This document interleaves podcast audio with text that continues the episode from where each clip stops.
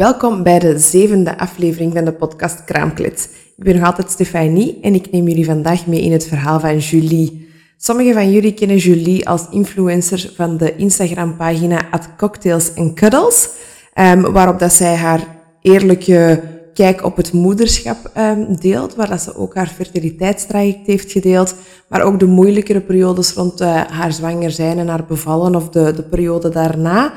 Um, ja, dat is iets wat ik heel erg apprecieer, omdat er zijn nog superveel taboes over donkere periodes na de zwangerschap.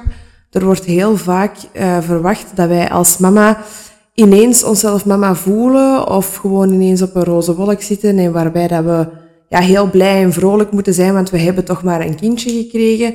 Terwijl, ja, wij zijn uiteraard heel blij dat we een kindje hebben gekregen en dat heeft niks te maken met dat je je kindje graag ziet, ja of nee, dat staat er allemaal volledig los van. Maar het feit dat je mama wordt, is wel een serieuze, of heeft wel een serieuze impact op je leven. Um, het verandert u helemaal. Er wordt niet alleen een babytje geboren, maar er wordt ook een moeder geboren.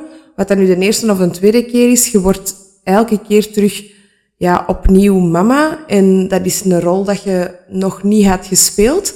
Um, of dat je nu van een eerste kindje mama wordt, hè, dan worden voor de eerste keer mama, maar worden voor de tweede keer mama, ja, dan worden ook opnieuw mama van twee kinderen. Dat heb je ervoor nog nooit gedaan. En dat is altijd opnieuw zo bij, of dat je nu een tweede, een derde, een vierde, maakt niet uit. Het is altijd een heel nieuw traject waar dat je instapt. Um, en ja, er zijn nog te veel taboes rond, omdat er zijn heel veel mama's die hiermee sukkelen um, die zich daardoor heel slecht voelen, terwijl dat daar helemaal geen reden voor nodig is om je daarom slecht te voelen. Um, en ja, ik, ik hoop gewoon hier ook weer even mee te zeggen van, je bent niet alleen als je in die donkere periode zit. Hè. Um, praat daarover met je vrienden, met je familie, um, met je partner op die manier gaat het er wel door geraken. Je komt daardoor. Ik spreek ook uit ervaring. Ik heb ook een heel zware postnatale depressie gehad. Ik ben daar ook doorgekomen. Ik ben gelukkiger dan ooit tevoren, maar op die moment was ik doodongelukkig en zat ik in een tunnel waar ik dacht dat ik nooit zou uitgeraken. En Julie vertelt haar deel van dat verhaal hier nu ook. En um, ja, hoe meer dat we dat met, met mama's vertellen die dat hebben meegemaakt, hoe ja, normaler moet het natuurlijk niet worden, maar hoe bespreekbaarder dat het wordt. Dat is net superbelangrijk, denk ik, dat we dat bespreekbaar maken. Weet dat je niet de enigste vrouw bent die het moeilijk heeft om zwanger te worden, die het moeilijk heeft om zwanger te zijn, die het moeilijk heeft de periode daarna, die een zoektocht heeft naar wie ben jij als mama. Uh, dat is echt kei oké dat dat u overkomt en dat gebeurt bij vele meer vrouwen. Dus ik hoop dat we dat echt veel bespreekbaarder kunnen maken. En dan uh, kunnen we elkaar als vrouwen, als mama zijnde, echt veel meer ondersteunen. En dat zou echt heel mooi zijn. Dus uh, opnieuw, ja, een dikke dankjewel aan Julie dat zij haar verhaal hier is komen vertellen. Het is ook weer de moeite om naar te luisteren. Dus uh, veel plezier!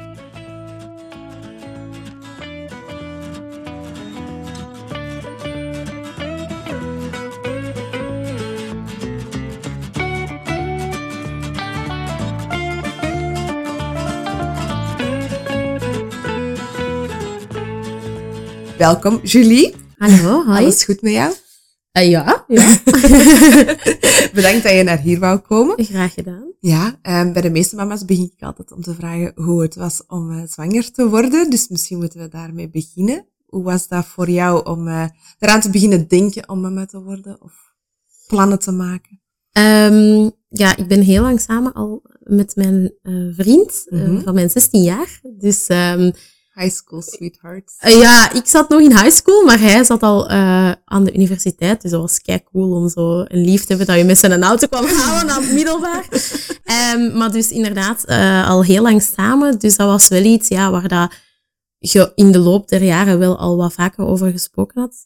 wij wouden beide graag kinderen. Dat was eigenlijk, denk ik, nooit een vraag dat we dat niet wilden. Dat nee, was zoiets. We wisten dat beide, waarschijnlijk op ons twintigste al of zo. Ja. En wij wilden ook beide wel uh, jong ouders worden. Dus, ah ja. Okay. Um, en wat bedoelde met jong?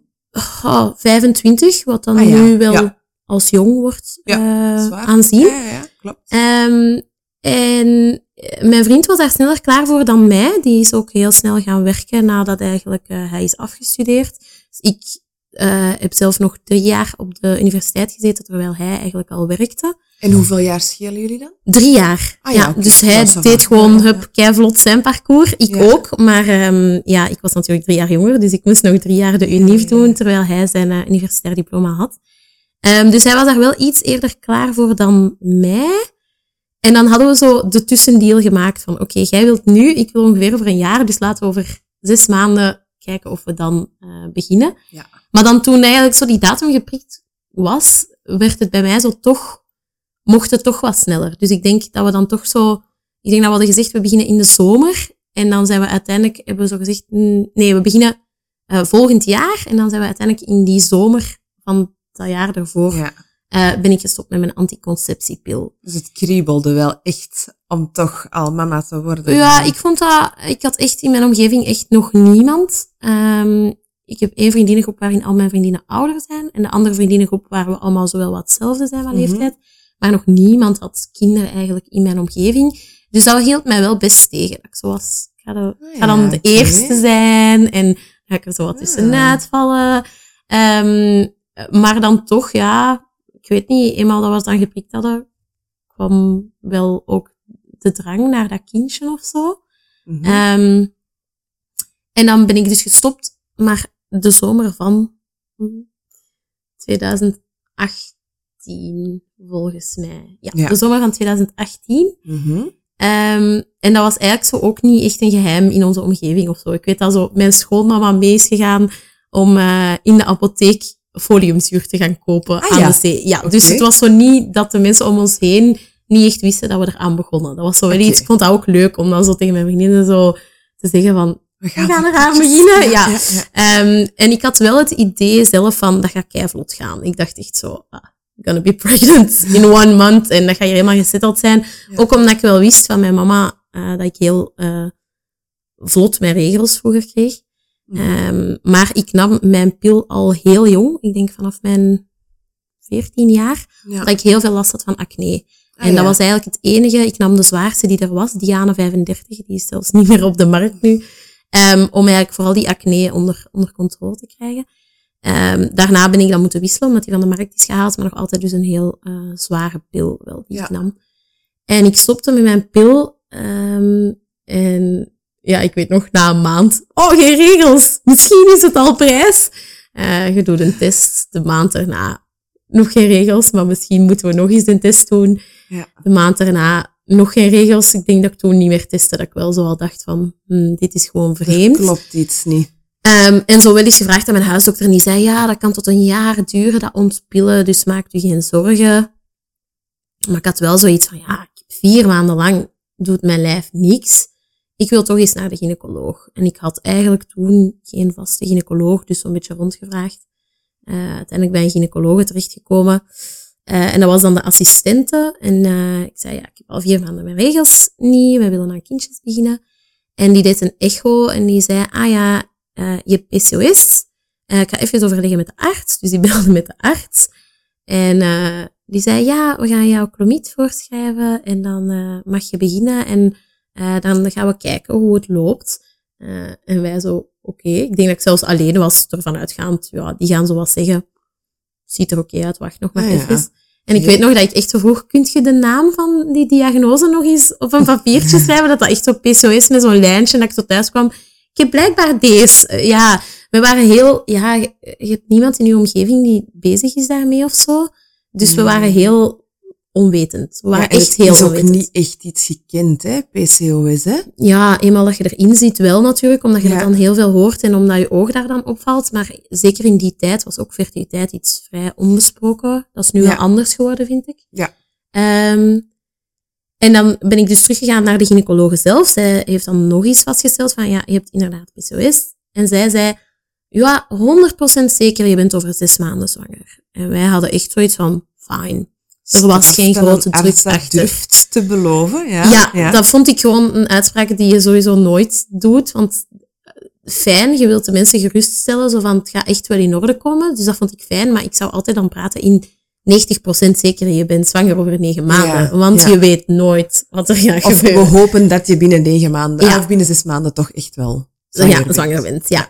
Ehm, en dan ja, zijn we zo wat begonnen. Gelukkig ook wel, eh, want dat was in het Sint Maarten ziekenhuis. Ik ga geen specifieke uh, gynaecoloog noemen, Mhm. maar dat was in het Sint Maarten ziekenhuis. En zij zijn niet super gespecialiseerd in fertiliteit of zo. Mhm. Maar ze zijn al meteen wel echt de goede stappen. We gaan ook uw, uw man testen. Eh, we gaan uw eileiders uitspuiten om te kijken of er een probleem zit met de doorstroming van je eileiders.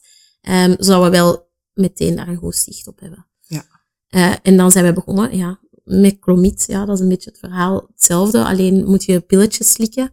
Maar die pilletjes ehm, zijn ja, heel moeilijk in dosering. Soms heb je te veel eitjes, soms te weinig. Soms Ah, moet ja. je nog langer slikken.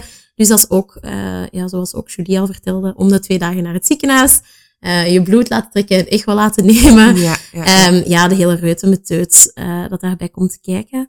En ehm, ja, dan bellen ze op een bepaald moment om te zeggen, ja, al uw bloedwaarden zijn goed, dus jullie mogen morgen en overmorgen, of vandaag en morgen, mogen jullie dan gemeenschap hebben en dan doen we over twee weken een bloedtest. Oké, dus de arts besliste wanneer dat jullie gemeenschap moesten hebben. Klopt, ja. En dat was ook zo echt een verbod van drie dagen op voorhand niet, eh, ook niet, allee, dan mag de man eigenlijk niet klaarkomen en dan van zodra we het laten weten. Maar dat is heel moeilijk, want stel dat je eitje nog niet rijp genoeg is, ja, als het zater al vijf dagen zit, is het eigenlijk ook niet meer zo ideaal. Oh dus god. ja, Oké. ja, dus het, ja, het is echt allemaal heel getimed. En dat was natuurlijk voor, allee, wel vrij snel bij ons dat wij in een getimede manier van kinderen maken kwamen of zo. Daar ging opnieuw de romantiek. Ja, daar ging de Ja. romantiek. Ja. Ja. En eigenlijk zonder dat we dat zelf door hadden. Want we, ja, we, we hadden echt wel geen idee waar we aan begonnen eigenlijk. Ja. Ehm, En hoe stonden jullie daar dan als koppel tegenover? Hadden jullie daar gesprekken over gehad? Van ja, dat eigenlijk wel. lopen en of dat jullie dat alle twee wel wouden, dat, dat fertiliteitstraject? Of? Ja, ik, wederom, ik denk dat wij beiden niet wisten waaraan we begonnen. Wat er ook voor zorgde dat we het gewoon deden.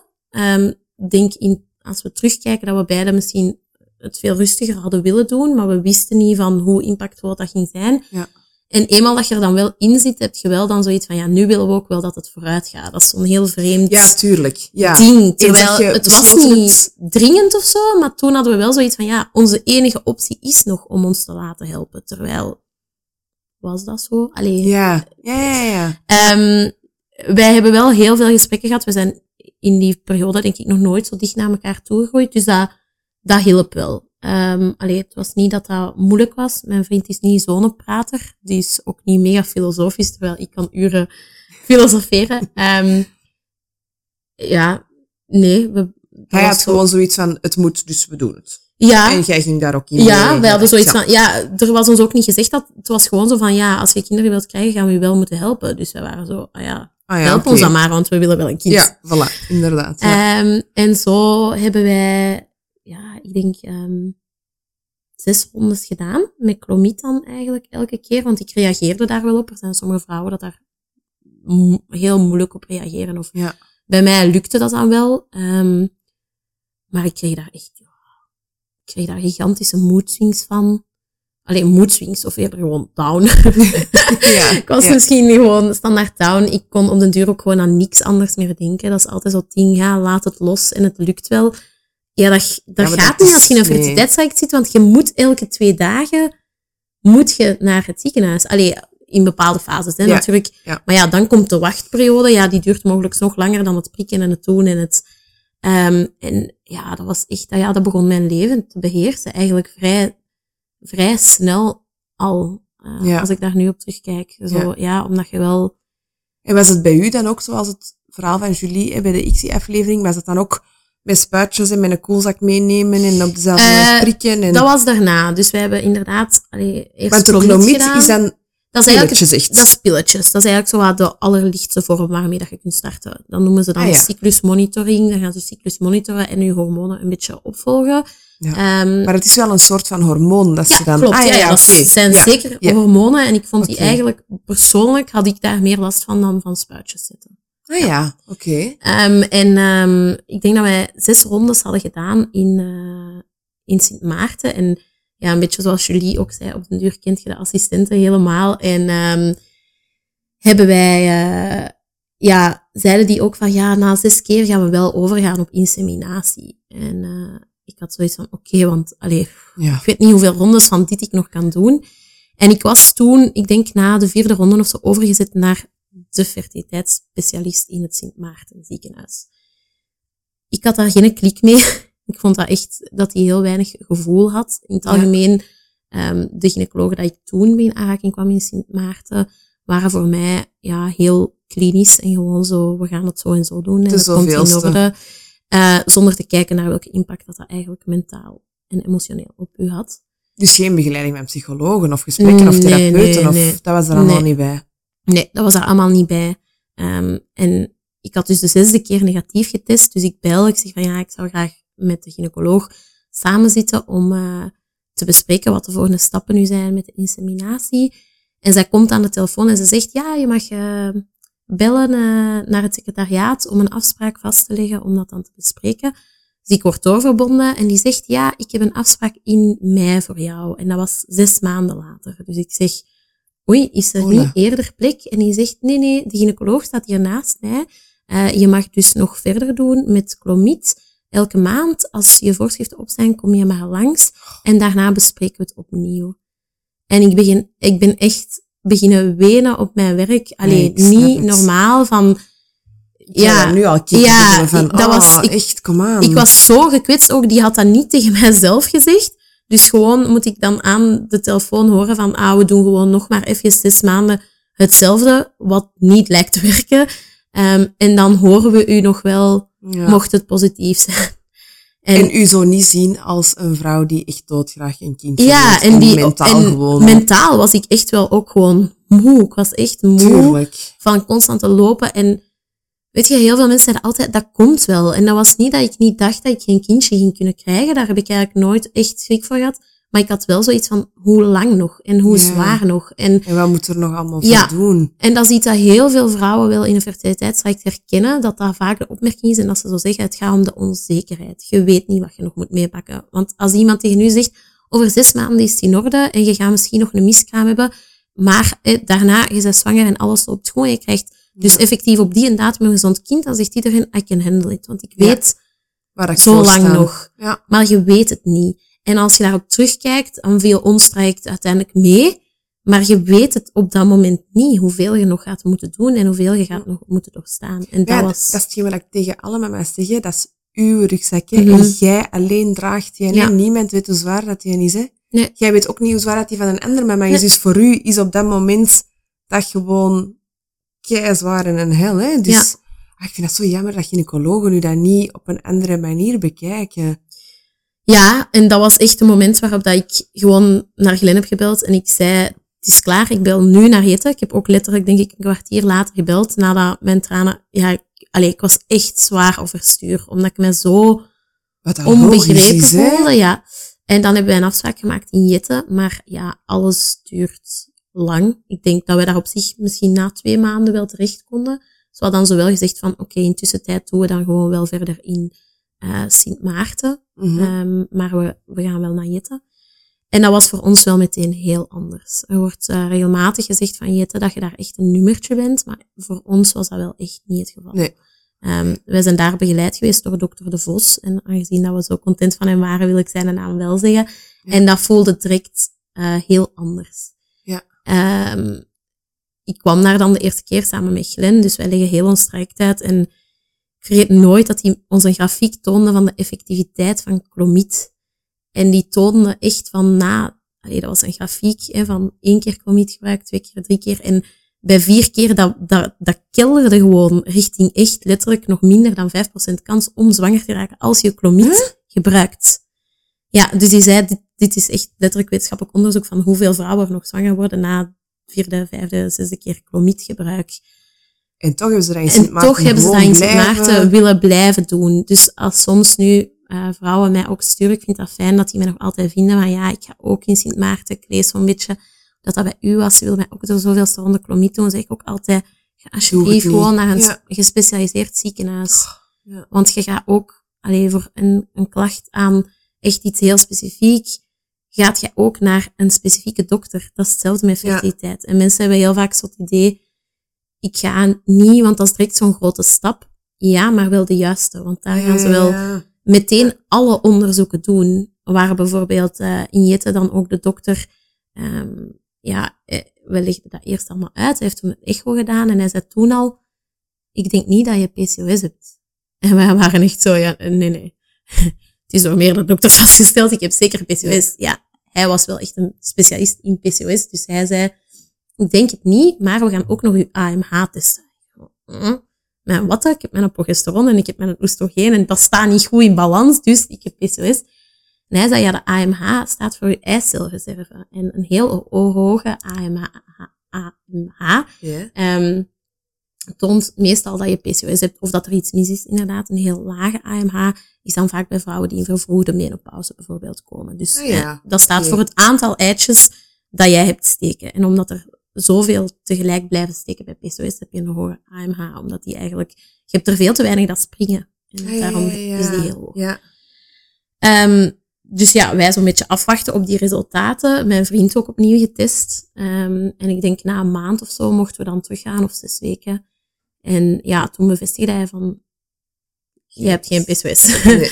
dus wij zaten daar zo'n beetje van, oké, en wat dan wel? Want ja, er, hij zei wel, er is wel iets mis. Ja. Meer dan een half jaar vanuit dat jij dat hebt. Ja, ja, toen, ja, inderdaad. Ik denk toen acht maanden of zo had ik die diagnose al. Ik had dat ook gepost op mijn Instagram. Ik dacht, oh my god, wacht, ik heb hier dingen zitten vertellen die niet kloppen. Nu natuurlijk, Ja, daar kun je jij weet, niet nee, je weet niet beter, maar ja, jij betaalt toch. nog eens een specialist om het u te vertellen wat er met u mis is. En dat is de specialist Ja, zijn of haar Klopt. fout. Ja, Allee. klopt. Ehm, en toen zei hij ook van ja, eh, we hebben ook uw man onderzocht en dat staal is toch niet zo goed. En wij ook zo, huh, want in, in Sint Maarten, flying colors, alles oké. Ja. Dus we dachten echt, maar wacht even, wat is dit? Dus ehm, ja, hij zei ook van ja, we gaan, ehm, we gaan overgaan op IVF. En wij hadden allebei wel zoiets van, wow, oké, dat is wel opeens een grote stap. Eh, maar ik had wel zoiets van, weet je, Doe. hoe snel, weet je? Ja. Want we zeiden, het is wel een grotere aanslag op je lichaam. En ik dacht, ik ben gewoon moe, fysiek, mentaal. De snelste weg naar zwangerschap was wat het toen moest zijn. Ja. Nu stond ik daar voor de tweede keer helemaal anders in, maar toen was ik echt zo van, I just want it over with. Weet je? Het was al zo ja. niet meer, ik wil een kind. Het was zo, ik wil, ik wil van dit traject af. Ja, Dat was eigenlijk, dat waren zo bijna twee aparte zaken geworden. Ehm, en eh, toen zijn wij nog eens, hebben ze denk ik toch nog eens ehm, bloed getrokken en, en zo nog eens alle onderzoeken gedaan om dan eigenlijk te starten met IVF. En dan moet je ook zo langs een counselor die zo alles uitlegt wat er gaat gebeuren. En je moet heel veel zaken tekenen van ja, verantwoordelijkheden en ik weet wat er gaat gebeuren en ik weet wat alle kosten zijn. En, want ja, er komen natuurlijk ook heel veel kosten. schijnt wel heel veel centjes ook, hè? Ja, dat kost wel best wat centjes. Ja, wij, wij konden dat gelukkig dragen. Ehm, maar ik kan me inbeelden dat voor andere koppels dat echt zwaar is. Ik denk dat Ja. wij in eh Mechelen een 200 euro per maand hadden. En dat was dan nog het goedkope traject. In, in België hebben we alle chance zes eh, inseminatie en zes IVF-pick-ups die terugbetaald worden. Ah, oké. Eh, wel terwijl in Nederland, denk ik, heb je maar drie pogingen. Dus ja, in België is het eigenlijk nog. Vrij uitgebreid. Nu natuurlijk, als je heel slechte pick-ups hebt, ja, dan vliegen die er gewoon door. Maar ja, en dat dekt niet alles, maar dat dekt bijvoorbeeld wel uw medicijnen, uw pick-up. eh, Ja. Maar dat dekt bijvoorbeeld niet de consultaties en zo. Ehm, dus ik denk in Jette eh, betaalden wij voor één inseminatiepoging zelf ongeveer 500 euro, denk ik. Als je er dan financieel niet goed voor staat, Nee, dan of als je- gewoon een onvervulde droom. Ja, hè? of als je maanden, maanden opnieuw moet teruggaan omdat het maar niet lukt. Dus ja, het is echt wel een traject dat letterlijk elk, elk aspect van je leven impacteert. Elk aspect. Uw ja. relatie, financieel, mentaal, uw vriendschappen, uw werk. Ja, elk aspect. Dat is echt, daar, daar, Ja. ja, dat is niet te onderschatten. Heb je veel begrip gehad van vrienden en familie? Ja, ja. En uw werkgever? Ja, werkgever heel zeker. Ja, ja, dat is ook waarom ik nog altijd graag bij Telenet werk. Ja, super begripvol eh, bedrijf. Ehm, ja, zeker. Af en toe krijg je wel een opmerking hier en daar. Maar ik, ga, ik zeg dan heel vaak tegen mensen, dat is denk ik ook vaak vanuit onbegrip. Ja, En als jij uitlegt wat het inhoudt, denk ik dat ze meteen al anders gaan reageren. tuurlijk. Dus tuurlijk. ik nam dat, als je je heel slecht voelt, neemt je dat wel heel persoonlijk. Maar ik was wel altijd zo van, het is omdat je het niet weet en ik ben blij dat je het niet weet. Ja. Ehm, maar wel veel begrip. Maar ik had natuurlijk, ja, bijvoorbeeld allemaal vriendinnen. Niemand wou zelfs een kindje op dat moment. Ja. Dus ja, en ik had, um, ik heb uiteindelijk twee vriendinnen gehad die allebei na mij begonnen zijn en voor mij bevallen zijn. En die waren wel, hebben wel beide echt apart gebeld om mij dat te zeggen. En allee, dus er was wel die gevoeligheid daar rond, was er wel. Hè, van, het was niet dat Ze gewoon effectief wel mega happy zo bij Ja. iedereen bij zeiden van ik ben zwanger. Ja, dat was wel eerst zo even op voorhand bellen van ik wil even laten weten dat ik zwanger ben. En heb je dat Ehm, geapprecieerd dat ze dat op die manier hebben Tuurlijk, gedaan? ja, het zijn nog altijd goede vriendinnen van mij. Ja. Ja, tuurlijk. Ja. Want ik kan wel aannemen dat je op dat moment misschien ergens een beetje boos of verdrietig bent dat dat bij hen wel lukt, ondanks dat je hun Ja. dat keihard gunt. Hè? Dat staat los van elkaar. Hè? Je bent jaloers. Ja, Ja. dat is zo. En Ja. ja, dan zeg je, hè, "Oh, die waren al zwanger na, ze waren allebei, ik denk de ene echt na één of twee maanden, de andere na drie maanden. En ja, die vertellen dan ook, ja, ik kwam beneden en ik had tranen in mijn ogen, want de test was positief en we keken elkaar Ja. aan. En je wilt dat gewoon zelf ook. Tuurlijk. Maar Ja. ja, je gunt hun dat ook, snap je? Ja, ja, Dus, tuurlijk. dat ehm, staat los van elkaar. ja, hè? Dat ja, staat echt... ja. Ehm, maar dus ja, in, in Jette zijn we dan eigenlijk vrij snel aan goed geholpen geweest. Dus we kwamen terug met het idee, het wordt IVF. En ik ben zo zelf ook iemand, als ik het weet, dan vind ik het fijn. Ja. Ik had mij ook ingeschreven, allee, ingelezen. Ik ben zo iemand dat graag ook weet wat er exact komt. Dus ik wist perfect wat er allemaal ging gebeuren voor die IVF. Ja. Dus wij komen terug om echt zo finaal te bespreken, this is what we're gonna do. Die zegt, ja, nee, dat staat, dat was hè. We gaan toch inseminatie doen. En ik was zo, nee, nee, nee, nee, wacht, wacht, wacht. We hebben hier gezegd dat we IVF gaan doen, we gaan IVF doen. En ik had ook zo, ja, al opgezocht, de kans op- bij inseminatie is 30% en bij IVF is het 50%. Dus ik was zo van, ja, nee, hè, ik wil de grootste slaagkans. Allee, ja, bo. En dan had hij toch gezegd van, weet je, we gaan gewoon drie keer inseminatie doen. En als het dan nog niet lukt, ja, dat was toen, eh, was dat dan al onze achtste ronde hè, dat we probeerden. Ja. Ehm, als het dan niet lukt, dan stappen we over naar inseminatie. En die eerste keer eh, inseminatie, ja, hij zei ook, er scheelt iets met u. Ik zie dat uw hormonen niet staan, maar ik weet niet wat. Ehm, en hij heeft mij toen iets laten spuiten. En ik heb echt, ik denk, vier weken lang gespoten. Ik had gewoon, mijn lijf stond vol blauwe plekken. En effectief, ik ging naar een festival. Dan moest ik daar zo naar een HBO, ja. Ben aan het spuiten, ik ben aan een spuitje zitten. Ehm, ja, dat was, ja, elke dag moet je dat doen. Zoals Julie ook. Ja, dan moeten we om half twaalf zeggen. Hey, iemand van het Rode Kruis, kunnen jullie mijn pregneelspuit komen zetten? Ah, je Rode Kruis, het uh, wit-gele kruis is dat, denk ik. Mhm. Um, ja, want we hebben inseminatie morgen om half twaalf in Jette, dus uh, dat moet op Ja. tijd zijn. Um, maar eigenlijk, ja, hij wist al van, het gaat niks worden, want hij heeft zo lang moeten rijpen. Pff, Dat is moe, bij wijze van spreken. Ja, ja. Um. Dus ja, die eerste keer was niet gelukt. Um, dus poging 8 was dan ook uh, niet gelukt. Dus we gingen terug naar hem. Um, en ik kwam binnen en hij zei direct, ik weet wat je hebt. En wij zo, ah, oké, okay, top, vertel het. Dus hij zegt, ja, je hebt FHA. Ik weet, dat- ik weet niet meer waarvoor het staat, maar het komt erop neer dat dat een, een ziekte, een fertiliteitsziekte is die je krijgt als je te veel stress hebt, te gezond eet of te veel sport. Dat is zo een beetje wat ze um, analyseren. En ik dacht, Heeft Uh-huh. dan ook te maken met dat je te mager bent? Ja, dus uh, ja, goh, ik denk niet per se. Ja, bijvoorbeeld um, heel eh, vrouwen die ondergewicht hebben of zo, die zullen ook snel FHA krijgen. Anorexia-patiënten die Ah, ja, ja, ja. krijgen zelden nog hun regels, omdat eigenlijk die hun lichaam in een soort shutdown gaat Ja, en dan eigenlijk.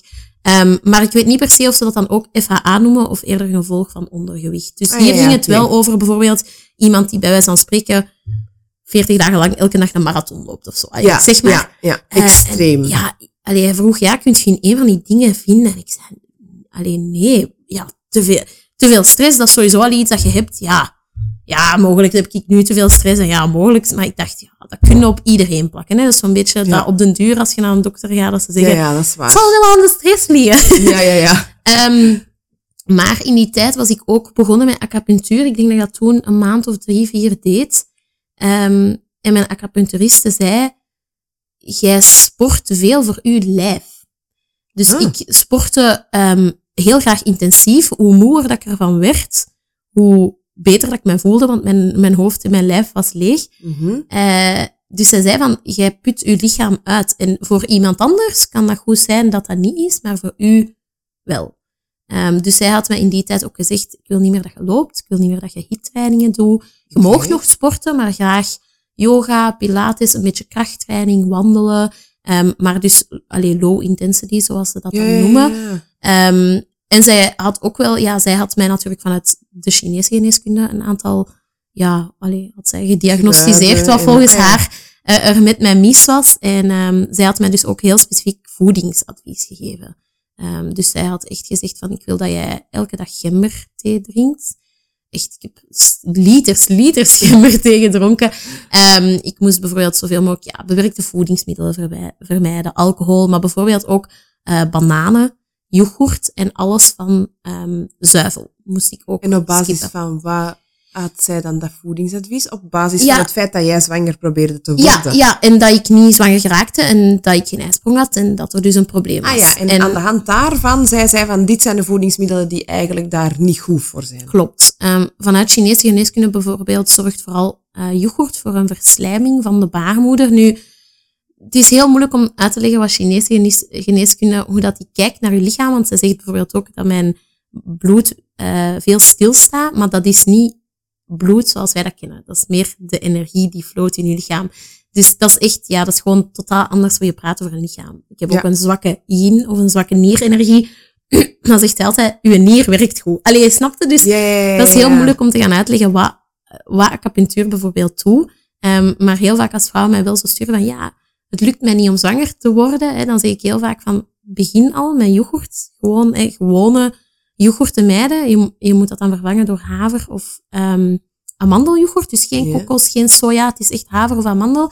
Um, en drink gemberthee en ook bijvoorbeeld groentebouillons zijn heel goed. Om Ja, gewoon eigenlijk je baarmoeder warm te houden. In, in alle gevallen, bij elke vrouw die wil zwanger worden, is dat altijd een goed idee. Ja, laat het niet, dan het. Voilà, En inderdaad. ik ben zelf ook keihard fan van Ja. acupunctuur. Ik weet hoe goed dat het is. Dus uh, ik ben er, ja, ik zou, ik zou er ook in, in durven meevolgen. Ja, Ja. dus um, zij, allee, zij gaf mij wel zo'n beetje van, ja, maar ik snap wel hè, dat ze misschien zeggen dat je FHA dan hebt, uh, omdat je dus mogelijk te veel sport. Want ook te gezond eten of zo was zeker niet het geval. Ik snoep ook wel graag. Ik eet gezond en gevarieerd, maar daar komt zeker elke dag chocolade en een koek en is alcohol en zo aan te We're pas. only humans. Ja, inderdaad.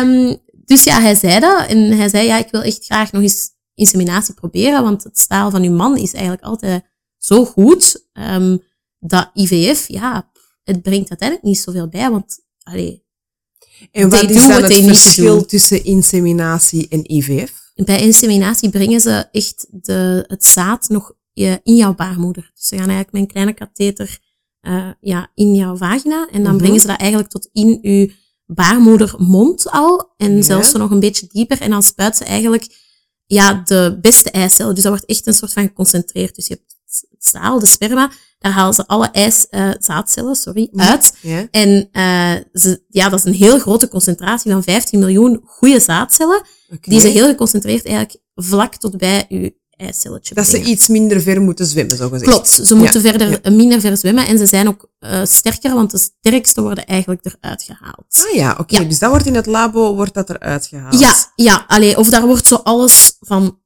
dingen dat er niet bij moeten zitten, wordt eruit gehaald. Ik weet niet exact hoe het is en dat zit dan in zo'n klein spuitje en dan ja, doen ze dat Ah, via ja, een katheter eigenlijk. Dus eh. eigenlijk doen die wel nog altijd hun natuurlijke werk, Mhm. maar ze worden gewoon dichter bij elkaar gebracht. De zaadcellen zijn minder vermoeid eens dat ze bij de zaadcel Klopt. komen en kunnen misschien Ja. harder werken om erin te Ja, geraken. dus bijvoorbeeld Ah, heel sterke eicellen die slecht zwemmen, dat is dan bijvoorbeeld ook, denk ik, niet slecht om inseminatie te Ah doen. ja, voilà. Ik weet het natuurlijk niet zeker, ik ben geen Nee. dokter, maar nee, eh, nee, nee. Het is dus eigenlijk inderdaad waar dat IVF al in een schaaltje is, is het hier wel echt in je eigen Dus natuurlijke inseminatie is baarmoederomgeving. eigenlijk de eerste stap, dan IVF, dan ICSI. Ja, En klopt. zo is het een beetje, Ja, zo is het een beetje, ja. Ehm, en uh, ik weet nog dat dat echt een verschrikkelijke um, ervaring was, die inseminatie. Daar was um, een, ja, die vrouw, de gynaecoloog vroeg, mag er een assistent bij zijn die aan het leren is? Ik zeg, ja, natuurlijk, of een stagiair.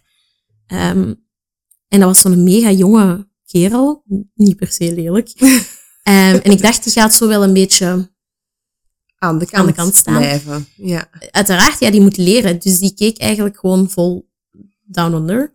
Um, en mijn vriend zat naast mij. En ik weet dat ik gewoon dacht van, er staat een andere man te kijken op mijn vagina. Ja. Iemand is dat hier aan het inbrengen. En dit moet dan ons kindje worden. En dat lukte niet bij die eerste. En dan is die zo een andere verpleegster gaan roepen. En die was wel zo van, we gaan het erin krijgen. En dat deed dan ook zoveel pijn. En ja, ik weet dat ik echt daar lag te wenen daarna. En dat ik echt zei van, wat, Is deze wat- allee, waar Wat zijn wij in terechtgekomen? Wat, wat Ja. is dit? Ehm, dus dat dat echt zo was van, en ik zag dat hij ook emotioneel was, dat wij echt zo met twee waren van, dit, dit is nieuw dat je het je hebt ingebeeld. Hè, ja. En je bent blij dat je geholpen wordt. En ik vind het fantastisch tegenwoordig wat, dat, wat dat wij kunnen en hoeveel mensen dat mogelijk anders kinderloos hadden gebleven, het Ja. nu niet zijn. Maar het empathische is helemaal weg. Ja. Het menselijke is weg. Ik vond dat wel in Jette echt niet. Allee, in Jette, Nee, alle, ook zo het- de mensen die uw bloed dan daarna namen en zo, die waren altijd zo savaanbikken en hoe lukt het? En Ja. ik, ik vond in Jette ehm, hadden ze veel meer oog wel eh, voor dat Dat is natuurlijk al super fijn, maar het blijft een feit dat je daar inderdaad met je benen open ligt voor wildvreemden die je totaal niet kent. Klopt, ja. Allee, Ja. dat, dat is wel, Ja. als vrouw zijnde, is dat, allee, ik durf hier bijna het woord lichte aanrending gebruiken. Niet dat die mensen dat dan Nee, eh, zo slecht bedoelen, maar Nee. ik, ik wil maar zeggen dat, dat is, ja, het is wel uw privé, hè. Ja, je je wordt daar open en bloot ligt voor. Op den duur word je daar ook wel een soort aan gewoon. Ik wist ook zo, ah, ik heb een controle, ik doe een, een kleedje aan. Of een rokje. Want ja, dan moet je gewoon een beetje schuiven, terwijl een broek doe je helemaal uit. Dus je wordt Ja. zo wel een soort van getraind in Ja. ja, het gaan liggen, hoe dat je... Ja, en pas op, ik bedoel dat echt niet verkeerd, Nee, nee. Hè, want die mensen die doen hun job en halleluja, dankjewel dat die er zijn, hè, want het is, het is dankzij die mensen dat, dat mensen die, die geen kindjes kunnen krijgen, er misschien uiteindelijk wel een kunnen Mhm. krijgen, maar het blijft wel een mega inbreuk Mhm. op je privé. Die in eerste moment worden een beetje gekraakt als vrouw, hè.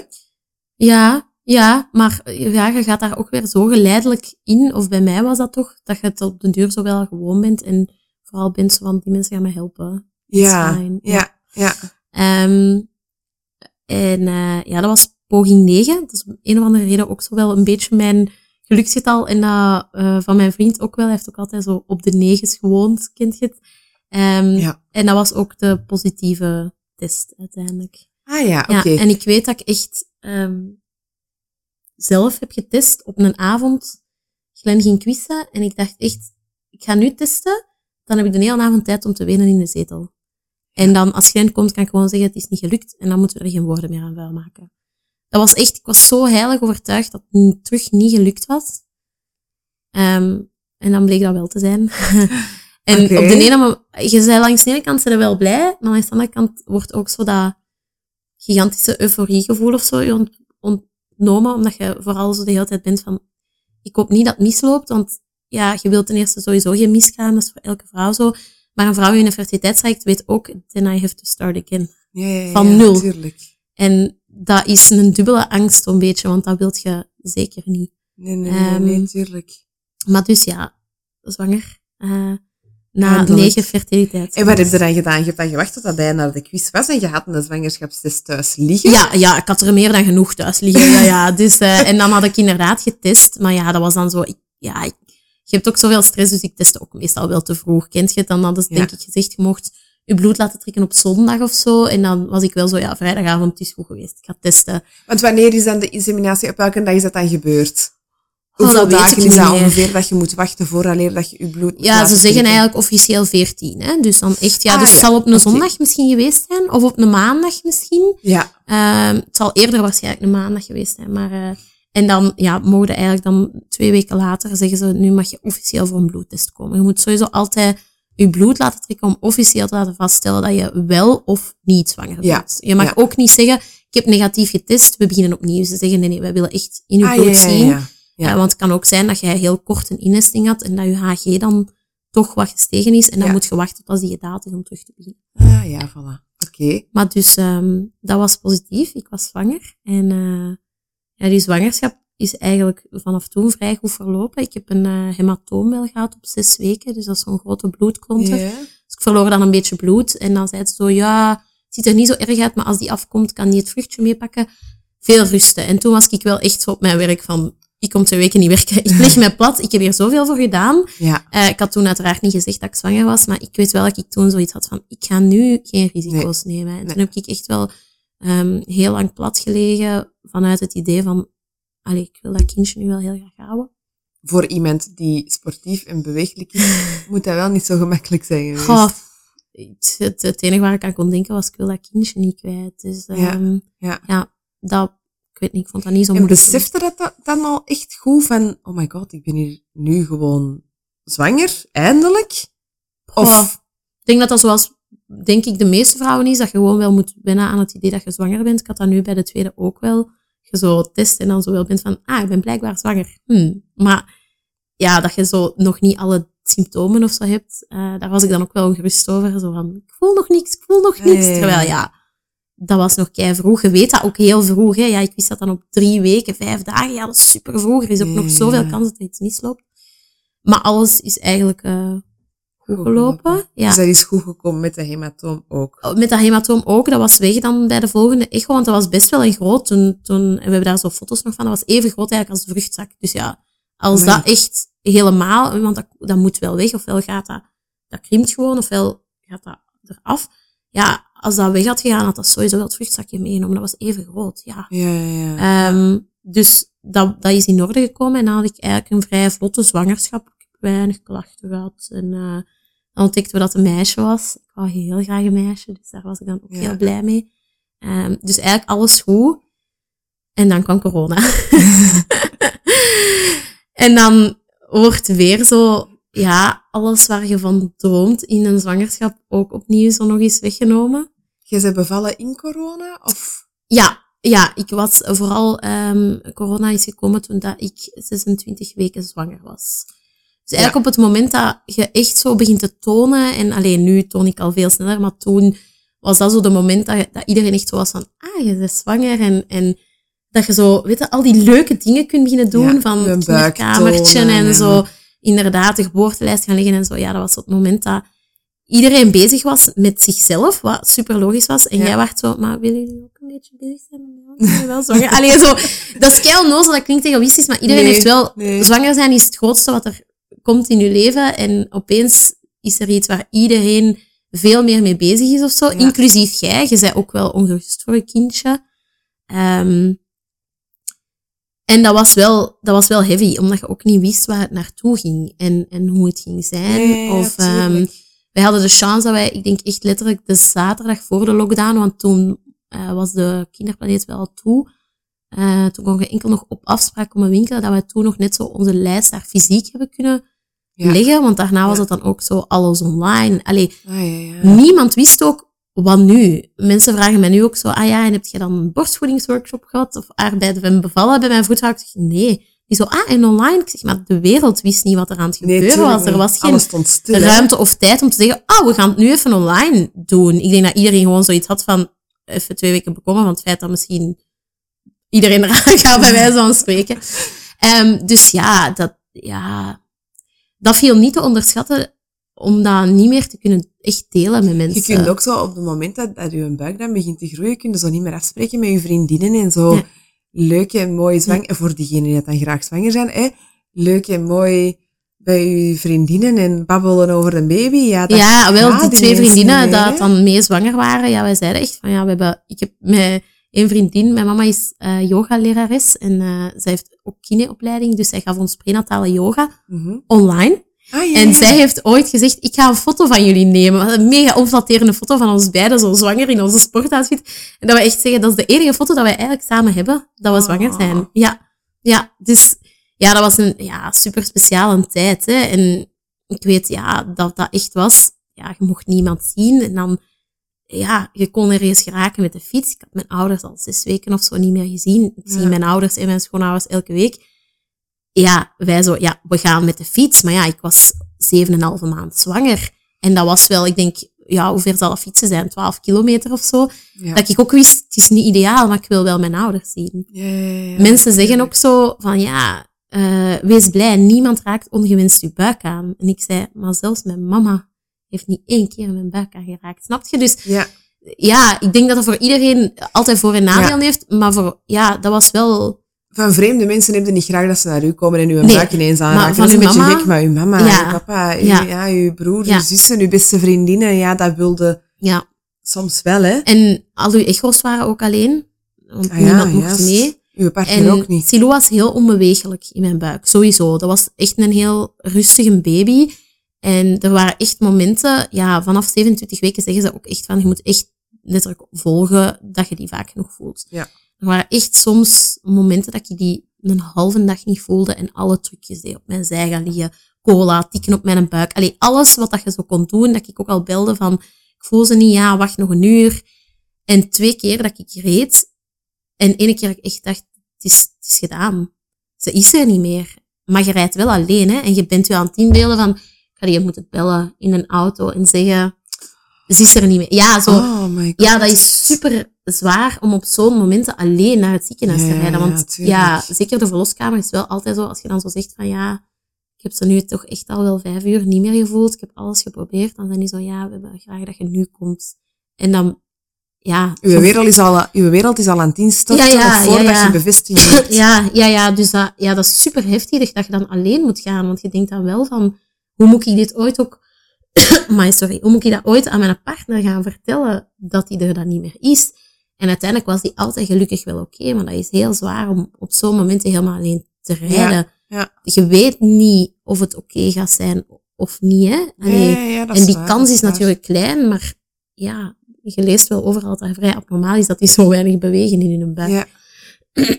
Dus ja, inderdaad, dat, dat, dat moet wel voor ongelooflijk veel schrik hebben gezorgd. En dan zeker in die coronaperiode waarin dat je dan alleen staat. Hè? Want Mm. op andere momenten gaat dat ook heel beangstigend zijn, maar dan heb je normaal gezien elkaar wel. Klopt. Maar het is gelukkig wel altijd goed gekomen. Het is altijd goed gekomen, ja. En dan, en waarom eh, dachten die in ene keer eigenlijk dat het echt... ik had het te lang niet meer gevoeld. En Voelde, ja, ik wat het bleek niet. het dan uiteindelijk? Niks. Nee. Dan zeiden die van, ja, die ligt stil, maar hartslag is goed. Nee, die zeiden daar ook wel van, ze beweegt heel weinig. Ja. Ehm, maar die maakt nu geen zorgen dat het te weinig was, want het kindje nu beweegt heel veel en dan zeggen ze zo wel van, we zien graag een actieve baby.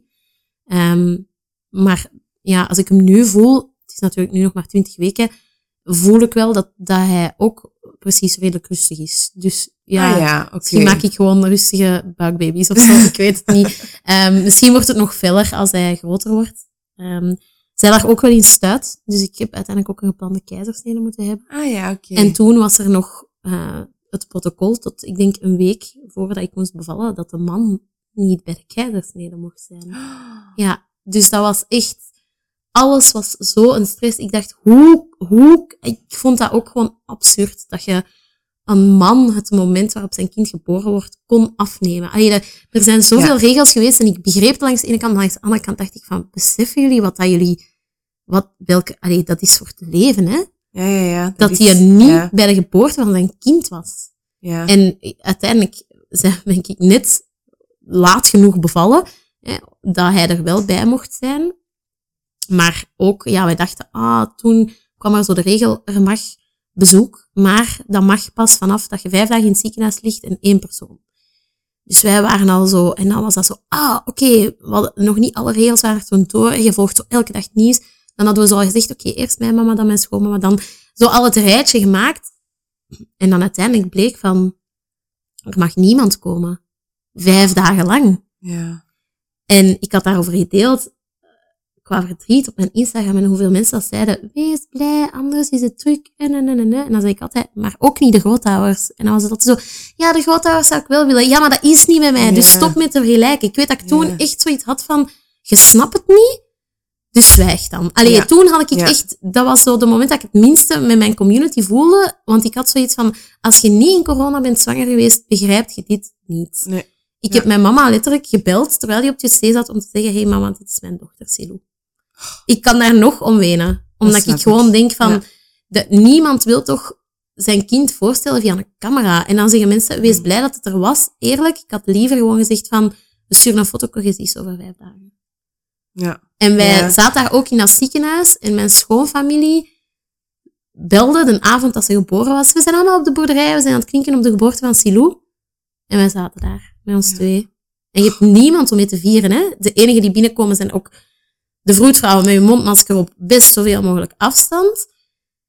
En je denkt, allee, hier zit ik met mijn kind waar ik zo lang naar heb uitgekeken en kan het aan niemand tonen. Ja. En dan hebben wij wel echt beslist, het was nu natuurlijk toen al, want ik ben bevallen eind juni, dus toen ging ook zo de horeca met veel regels open en zo. Dus ik ben zo niet bevallen, ik ken het zo 20 maart, alles is begonnen Ja. en heel de wereld staat op zijn kop en jij bent daar aan bevallen en denkt, gaat iemand mij komen helpen? Want niemand wist eigenlijk, allee, ik had nog de chance dat ik toen ben bevallen en Glenn en ik waren wel zo beide rationeel dat we zeiden, we gaan meer verdriet hebben dan het feit dat mijn ehm, papa die zes maanden lang niet gaat kunnen gepakt hebben, dan dat hij er misschien goed ziek van wordt. Mijn ouders waren allemaal in goede gezondheid, mijn schoonouders ook. We hadden zoiets van, we gaan die in ons leven laten. Want Ja, ja, tuurlijk. we weten niet Ja. hoe lang het duurt. En chance dat we het hebben gedaan, hè, want het heeft nog maanden aangesleept. Ja. En hetzelfde met vrienden.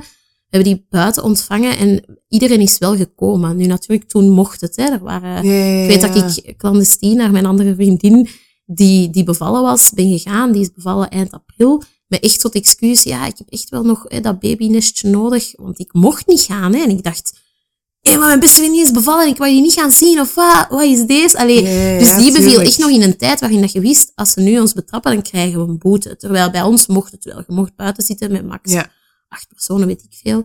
Ehm, en wij zijn daar wel heel soepel mee omgegaan. En wij hebben nooit, ons dochtertje is nooit ziek geweest, wij zijn nooit Nee, ziek geweest. Gelukkig, hè. Ja, Ja, weet je, ik- denk toen in, op dat moment, als je een beetje je gezond verstand gebruikte, dat wel oké was, Ja, hè. maar er was veel schrik. Wat ook Er was heel veel schrik, hè. Ja, ja, ja. En ik Mhm. snap inderdaad, als je een, een, een grootmoeder hebt of een, of, of een, Mhm. of een Ja, ouder hebt die heel ziek is of, Of die heel, last heeft van zijn longen of zo. Ja, dan moet je dat Ja. niet doen. Maar ik denk op andere momenten waarop dat je dan je verstand een beetje gebruikte, dat het wel oké was. En zeker als je net een kind hebt gekregen.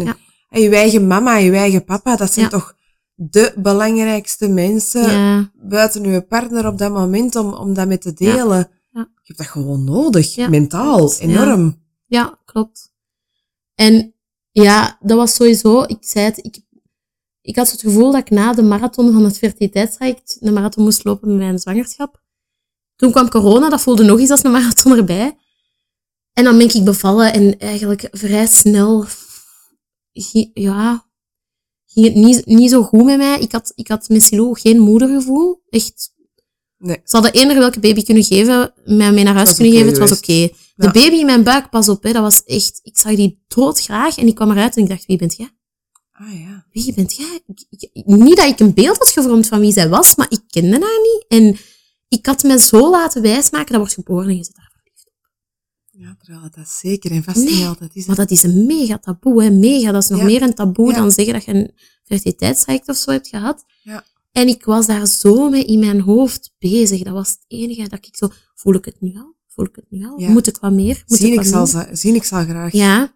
En mijn vriend zei wel altijd, maar Julie, je doet alles wat aan mama, je zorgt daar goed voor. Maar ik was, maar ja, ik weet hoe dat ik voor mijn kind moet zorgen, maar ik voel er niks bij. Ja. En ik deed ook gewoon mijn leven verder als ervoor. Ja. Die was ook, of ik die nu bij me pakte of niet, ik had ook besloten om flesjes te geven. Ik dacht, corona, ik ben niet getraind, ik krijg hier een keizersnede. En ik had constante twijfel ik dacht, ik doe gewoon die flesjes. En dat gaf mij ook wel rust. Ik weet, het zijn flesjes, dat is keivot gegaan, die heeft geen moment last Ja, maar gehad. goed, hè. Allee, bedoel, Dus dat was goed, maar ik was dan zo van, ja, oké, ik geef die pap en dan leg ik die terug en dan kon ik eender wat in mijn huis doen. Ja. Ehm, maar ik, ja, ik werd heel onrustig. Ik was constant bezig. Hoe voel ik mij? Hoe voel ik mij? Ik ben sowieso wel iemand die zo veel in contact wil staan of zo met mezelf of ik weet niet. Nee, ja. Maar ik dacht mijn eigen zot en ik had ook niks te doen. Ja, het was corona. Ja, was niet Ja. veel. En plots worden daar in die rol van mama gegooid. En Ja. wat is dat eigenlijk, hè, Ja. mama zijn? Ja, Je groeit daarin mee, hè. klopt. Allee. Maar op dat moment denk je, ik ga daar, ja, Ja, ik moet dat ineens zijn. Ik, ja, of En je- denkt, je hoort dat ook van anderen. En ik, ik zie het ook effectief bij mensen die een kind geboren wordt. En dat is gewoon, die zijn daar smoor verliefd op. Maar, ja, maar het, En ik het ben gebeurt, daar het gebeurt ook Ja. heel, heel, heel vaak dat mama's... Ik ben dan kraamverzorger, ik kom Ja. constant bij mama's thuis. Maar hoe vaak dat ik wel niet het dingen krijg van... Is dat nu erg dat ik daar nog niet verliefd Ja. op ben? Ja. Oh, nee, ja, dat Ja. is niet erg, kom aan. Maar dat wordt zo weinig gezegd, hè. Ja, je wordt hier ineens in een rol gesmeten dat je nog nooit in heel je leven hebt gedaan, dat je nog nooit hebt meegemaakt. Of misschien al wel met een eerste kindje. En misschien dat dat bij een eerste kindje er wel direct was en bij een tweede niet. ja, dat kan, dat kan Mhm. gebeuren. Je, je moet je eigen ook wel echt een tijd geven om daarin te groeien. Hè. Dat is zo ontzettend belangrijk. Ja. En daarin denk ik dat vriendinnen en omgeving ook heel veel doen. Het respecteren van elkaar waarin dat je staat als mama. Ja, en op zich, die, ik had dan twee vriendinnen die mama eh, waren geworden dicht bij mij. En die deden dat wel, maar die zijn beide veel rationeler dan mij. En die hadden beide wel zoiets van, ah ja, ik voel het wel. En ik was zo, oké, maar je niet. Dus ik had ook niet echt een Ja. klankbord. Nee. En het was niet dat zij niet lief waren of zo, maar ze, ja, ze begrepen niet. En dat is ook niet erg. nee, want, nee, dat is zeker en vast niet Ehm, erg. maar dat zorgde er wel voor dat ik me heel alleen voelde. Ehm, Ja. ja. het was dan ook corona. En ehm, toen Silou zes weken was, eh, kreeg mijn papa dan ook nog het verdikt kanker. Oh god. ja. en dat is iets, hij wou nooit dat ik dat eigenlijk vertelde. Hij is ondertussen helemaal in orde. Mijn papa is zo'n super fiere man die ook zo echt was van, wow, wow we slaan ons daar wel, we slaan Ja. ons daar wel door. Ehm, terwijl, terwijl hij wel allee, stage 3, of hoe noemt dat dan, eh, eigenlijk had. Maar hij, ja, hij was wel, hij heeft ook wel weinig bijwerkingen en zo gehad. Maar ik weet dat ik echt naar buiten ging en dat ik, dat ik echt zo tegen Glenn zei van, het is het jaar waarin ik een dochter krijg en mijn papa verlies. Oh, Ja, amai, maar Dat echt. ik echt, ja, dat ik echt dacht van, shit, ik speel mijn vader hier kwijt. Ja. En gelukkig was het wel zo vrij snel van, oké, we gaan hem kunnen helpen. En, maar ik dacht echt van, allee, hoeveel shit kunnen op u krijgen? Het Ja, bleef zo, het bleef zo komen. Ja. en dat was ook heel moeilijk, want ja, mijn vader vroeg natuurlijk van, ik wil niet dat je daarover vertelt op je, op je Instagram. Maar ik had wel zoiets van, er gaat zoveel in mijn leven om en ik had wel de nood om dat te zeggen of zo. Ja, Ehm, ja. Maar ik heb dat dan nooit gedaan. Ik, allee, ik denk niet dat hij dat nu erg vindt dat ik dat vertel, want hij is genezen en hij is, helemaal oké, ik zou er niks meer van zeggen. Ehm, Maar het is omdat je fier bent op hem dat je het nu vertelt. Tuurlijk, hè? hij heeft dat zo... Weet je, die wou ons zelfs nu, terwijl we volwassen zijn, nog altijd zo afschermen van de last of zo. En dan vroegen we zo aan mama, en ça va? En dan was ze zo, ja, hij heeft wel zo wat last. Maar over het algemeen heeft hij dat, allee, had hij echt weinig last. En zei ze ook, mijn ouders zijn beide ook heel sportief. Het is omdat hij zo sportief is, dat Ja. zo goed doet. En hij heeft Ja. nog een heel goede fysiek voor zijn 60 jaar. Maar ja, dat is zo wel, je wordt geconfronteerd ook wel met dat je ouders ouder worden of zo. Ja. En dus ja, er ging zoveel tegelijk om in mijn leven. eh, en ik moest terug gaan werken en ik voelde al, deze gaat niet lukken. Maar ja, je denkt, misschien gaat het beter als ik werk. Want ik had ook, ik kuiste constant mijn kasten uit. Constant. Ik kuiste niet, maar ik ruimde op. En zo altijd, Een alles drang moet om helemaal- iets bezig te zijn, of eerder de drang om orde in je leven te hebben Ja. op plekken waarop dat het Ja. kon. Ja, ik kon letterlijk mijn handtas pakken en denken, die moet proper. En dan met een auto, die moet gekuist worden. Mijn hoofd was gewoon... Ik, ja, en dat is zo typisch, hè. Je zoekt controle. En ja, opruimen is keiharde controle. Hè. Daarom Ja. mensen met smetvrees of zo. Ja, je hebt controle over het proper maken van. Ja. En dat ging echt op... Ja, tot het moment, ik weet dat ik echt zo eens yoga aan het doen was en zo, de kast beneden is vuil, pas op, helemaal opgeruimd. Mijn dochter sliep, hè, en ik, ik bleef tegen mezelf zeggen, Julie, laat het los, want je gaat je dochter wakker maken met je kast die proper is op te ruimen. Je waart yoga aan het doen, ga terug je yoga doen. Ik kon dat niet. Ik kon niet. Dat, allee, dat werd echt, ja, dat werd echt Ja. dwangmatig, hè. En um, toen heb ik gezegd in, in januari, dus ik was, ik weet, dan hadden we kerstvakantie. En ik dacht, ja, twee weken dan ga ik me wel beter voelen. Ja, ik begon terug te werken en ik voelde echt, het gaat niet meer. Maar ik dacht, het werk is niet het probleem. Maar dan zei mijn, mijn, mijn dokter ook, ze zei, het enige wat wij makkelijk kunnen uitschakelen is werk. Ja. Ook al is dat niet het probleem, dat is wel iets dat veel tijd pakt en dan Ja. kun je dat wel wegnemen. Ja. En dan ben ik uiteindelijk een maand thuis gebleven en ja, dat was, dat was heavy. Dat was heel heavy. Ehm ik had echt schrik. Ik geloofde ook niet meer in mezelf. Ik was ook echt, ik deed die job daar vijf jaar. Ik dacht ook echt van, hoe kan, mijn zelfvertrouwen was gewoon weg. Compleet. Ik dacht, ik kan die job niet meer. Ik ben een slechte mama. Ik kom hier nooit uit. Hij was, dat was echt veel. En ik heb daar daarna wel over gepraat, ook op mijn Instagram. Toen ik daar klaar voor was. En dat is echt wel nog, nog een heel stuk later pas geweest. Mhm. Ehm, maar je krijgt dat ook niet uitgelegd hoe eng dat dat is. Ik snap het volledig, want ik heb zelf een postnatale Ja. depressie gehad na Ja. mijn laatste. En dat is heel eng wat dat Dat is, mind mee Ja. kan doen. ja, Dat is heel vies. ja. Ik dacht echt, ik weet dat ik op een bepaald moment tegen Glenn zei, ik denk niet dat ik er nog uit geraak. Nee. Ik zag het gewoon niet meer. Ja. En ik had al wel op tijd eh, psychologische hulp ingeroepen, maar zo wel best even gezocht achter een goede psycholoog. Ik had er ooit al wel een gehad, maar die was dan eh, verhuisd. Wat er wel voor zorgt, ja, als je niet de juiste vindt, ja, dan blijf je zo Ja, wat, aanmodderen. Hè? Ja. Eh, en dan Heb je dat medicatie gekregen of niet? Ik heb ene keer, ene, op een bepaald moment zei ik echt tegen de huisdokter, ik kan niet meer, geef mij iets. Maar ik had daar zelf heel veel, heel veel schrik van, ook uit ervaring, uit, uit mijn omgeving. Ehm, en ik heb echt gigantische paniekaanvallen de hele nacht gehad, terwijl ik daar eigenlijk geen last van had daarvoor. En toen had ik echt zoiets van, ik, ik kan deze alleen, ik doe deze alleen, dit moet alleen, want dit wil ik niet. En ik had met heel veel mensen gesprekken wel al gevoerd en veel zeiden van het wordt echt even heel heftig, twee weken, maar daarna is het zoveel beter. Ehm, maar ik, ja, ik heb zo'n schrik gehad. Ik heb echt mijn papa om vijf uur s'nachts gebeld. En die eh, nam zijn telefoon op en hij zei, ik voelde al dat, Dat het, er iets dat er iets ging. zijn of zo. Ja. Ehm, dus dan heb ik s morgens ook direct gebeld naar de dokter. En dan zei hij van, omdat je nog maar één pilje hebt gepakt, moet jij stoppen, want je mocht niet daar zomaar mee stoppen. Ehm, en toen heb ik inderdaad wel gewoon ja, het op mezelf eh, gedaan. Wel, want ik ben dan ook naar mijn acupuncturiste gegaan. Ik ga daar nog altijd. Ehm, en zij zei van, ja, je hebt wel last van bloedleegte. Nu, dat is natuurlijk weer een allee, Ja. een Chinese geneeskunde ding. Maar dus bepaalde vrouwen die zwanger zijn, geven heel veel bloed, wat je dan eerder als energie moet zien, aan hun kindje. En Mhm. krijgen dan zelf eigenlijk last van bloedleegte, waardoor dat eigenlijk, ja, dat typeert bijvoorbeeld ook zo in eh, heel lichte menstruatie hebben, of heel bruine menstruatie hebben, Ah, heel ja. korte menstruatie hebben. Ehm zijn bijvoorbeeld tekenen ook zo ehm, een heel lichte huid krijgen, dus eigenlijk dat je precies minder bloed hebt. Dus nu bijvoorbeeld bij mijn tweede zwangerschap is zij al nu aan het werken op bloedvoedend, zodat ik dit eigenlijk niet terug meemaak. Ja. Ehm, Ben je daar bang voor? ehm, ja en nee. Ja, omdat als je weet hoe eng het is, wil je het nooit meer Nee, meemaken. Dat is, dat is helemaal waar. Eh, nee, omdat ik wel de juiste mensen, denk ik, rond mij heb. En ook genoeg tools voor mezelf heb gevonden om ermee te kunnen omgaan. Ja. ik. Dat is goed. Ehm, En bij En- mij is dat bijvoorbeeld de reden om geen derde ja, te krijgen. Ja. Omdat ik er zo, Zo bang van ben. Ja. Ja.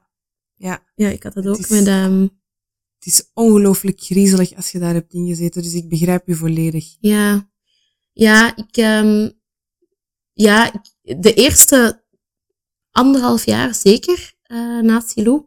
Twee jaar, eh, maar eerder anderhalf jaar. Ik heb wel heel hard aan mezelf gewerkt. Dat was ook, ja, ik, ik heb echt heel veel specialisten en zo gezien. En ehm dan zei Glenn op den duur van, zullen we gewoon, we doen gewoon, hè, we wouden beide eigenlijk liever in fertiliteitsrijk voor tweede zullen we gewoon doen. En als het gebeurt, dan is het toch fijn. Dan moeten we niet heel het fertiliteitstraject. En ik, voelde gewoon de paniek over mij stromen Ja. van, ik wil nu geen tweede kindje. Ehm, Terwijl nu is die angst eigenlijk vrij ver weg. Nee. Oh, dat is Ik goed. zeg ook nu altijd tegen mensen van, eh, ik, heb, ik heb nogal een, een zware periode in mijn leven meegemaakt. Ehm, ik zeg ook altijd tegen mensen van, ik, vind het zot hoeveel sterker ik er nu ben uitgekomen. Ik heb nog nooit zo dicht bij mezelf gestaan. Ja. En zo goed geweten wat ik wil. Ja. Wat ik wil. En als je daaruit eh, raakt, zijn dat ook honderd keer... Allee, als ik voor mezelf mag spreken, ik ben honderd keer gelukkiger nu Ja. dan voor mijn postnatale depressie. Absoluut. Maar wat een hel en allee, Ja. om, om door te geraken, hè? Ja.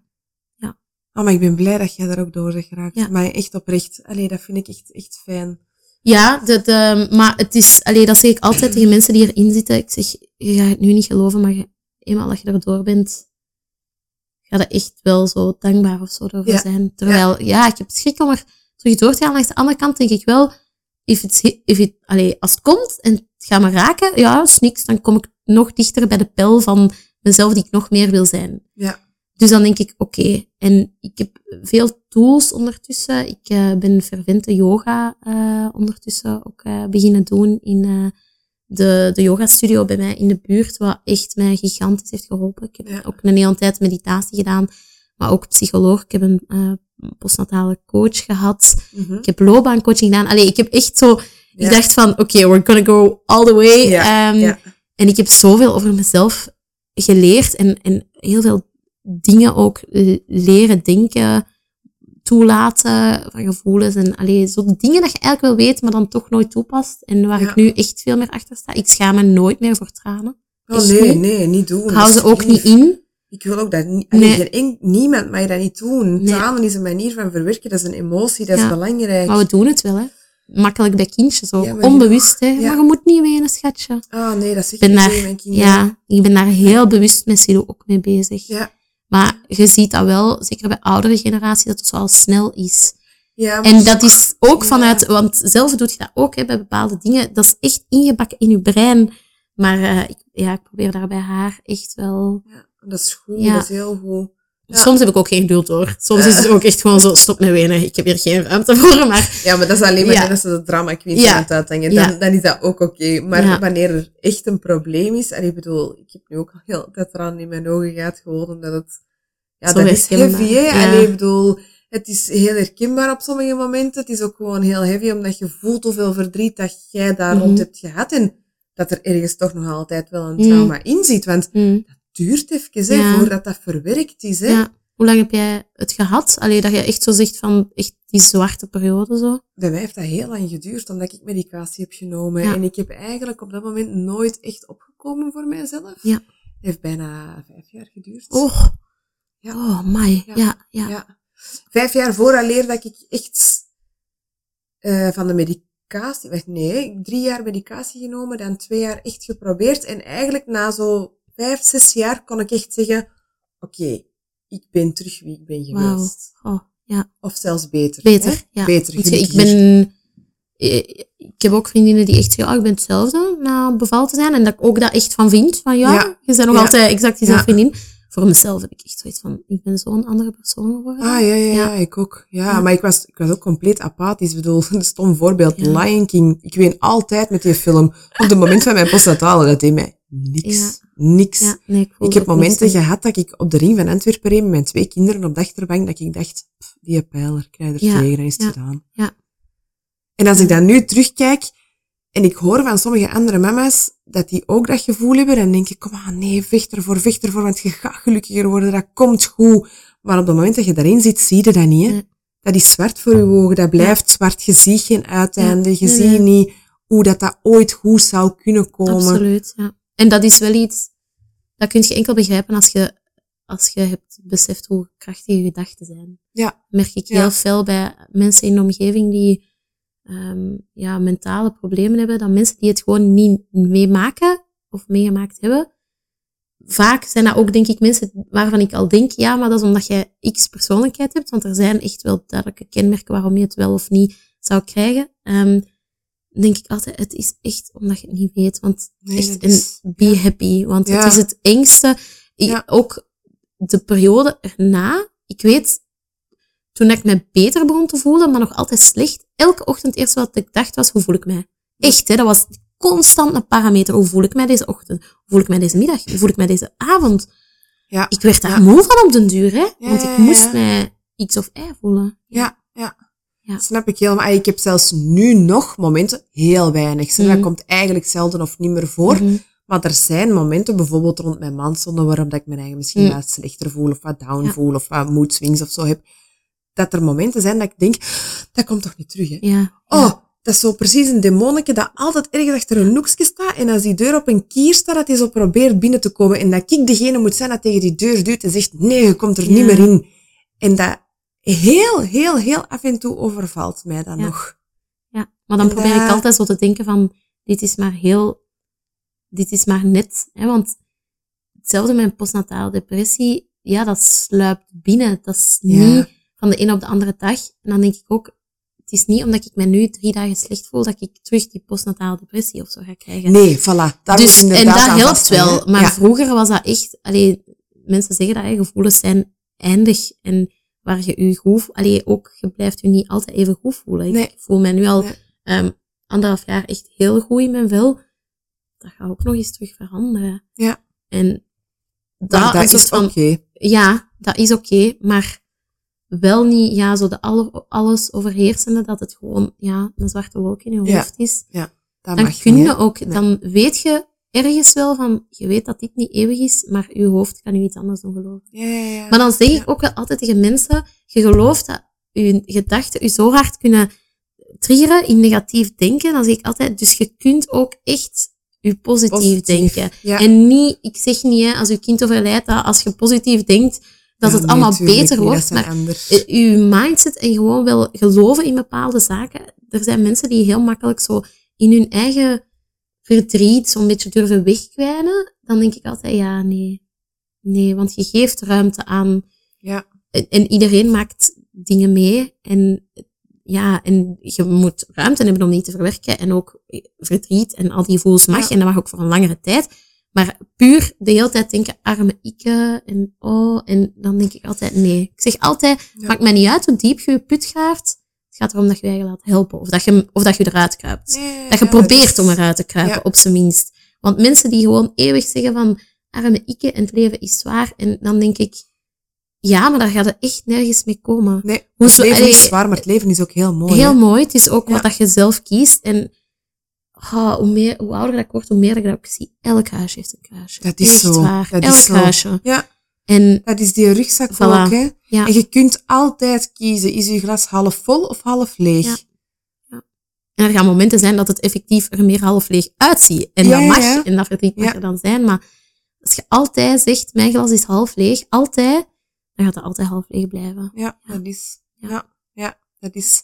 Ja, en je eigen dan optrekken aan al het positieve, de stomme dingen, hè. Want ik heb toen door mijn psychologen geleerd om stap per stap, hè, het, het, heel kleine stapjes, hè, door de straat rijden en denken, amai, wat een schone Ja. boom. Ja, Amai, ah, schoon bladjes. Oh, dat bloemetje. Klein onnozel dingen, maar het is wel door die minuscule stapjes dat ik er ben uitgeraakt. Want uiteindelijk, je moet een heel groot vangnet hebben, je moet mensen hebben die je helpen, want alleen is het vaak heel Mhm. moeilijk. Maar jij bent wel de persoon Mhm. die er moet uitklimmen. Ja. Er kunnen duizend handen uitreiken, maar als je geen één hand pakt, mhm, kom er niet uit. Hè? Ja. Dus je moet dat zelf doen en je kunt dat. Iedereen kan dat. Ja. Dat lukt. klopt. En dat is wel heel belangrijk om, om daaraan vast te houden, denk Mhm. ik wel. Hè? Mhm. Maar wel blij dat jij je nu ook echt veel beter voelt.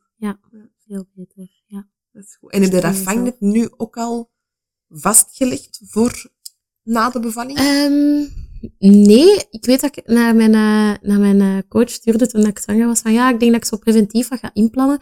Maar tot nu toe ben ik heel rustig in deze zwangerschap. Ik had ik heb heel veel kwaadjes gehad, maar dat zorgde er ook voor dat ik weinig ongerust was, omdat het zo duidelijk was van ja. he's Ja. still there. Ja, ja, ja. Ehm, nu voel ik hem ook bewegen en ik voel mij ook nog altijd wel eh, goed.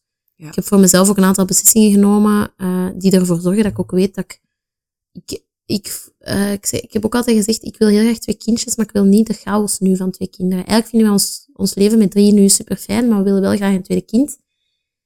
Ehm, maar ja, je gaat er ook niet meer tien jaar bij wijze van spreken mee wachten. nee, tuurlijk. En dat is de reden dat ik ook heb gezegd van, ik wil echt lang thuis blijven deze keer. En ik noem het altijd zacht landen in twee kinderen. En dat klinkt zo mega zweverig of zo. Maar dat is helemaal Maar goed. echt al zien, ik, weet je, vroeger was ik altijd zo, hoe meer ik uit het leven haal, hoe beter. Ja. En nu heb ik zoiets van, maar hoe trager ik ga, hoe meer ik uit het leven haal.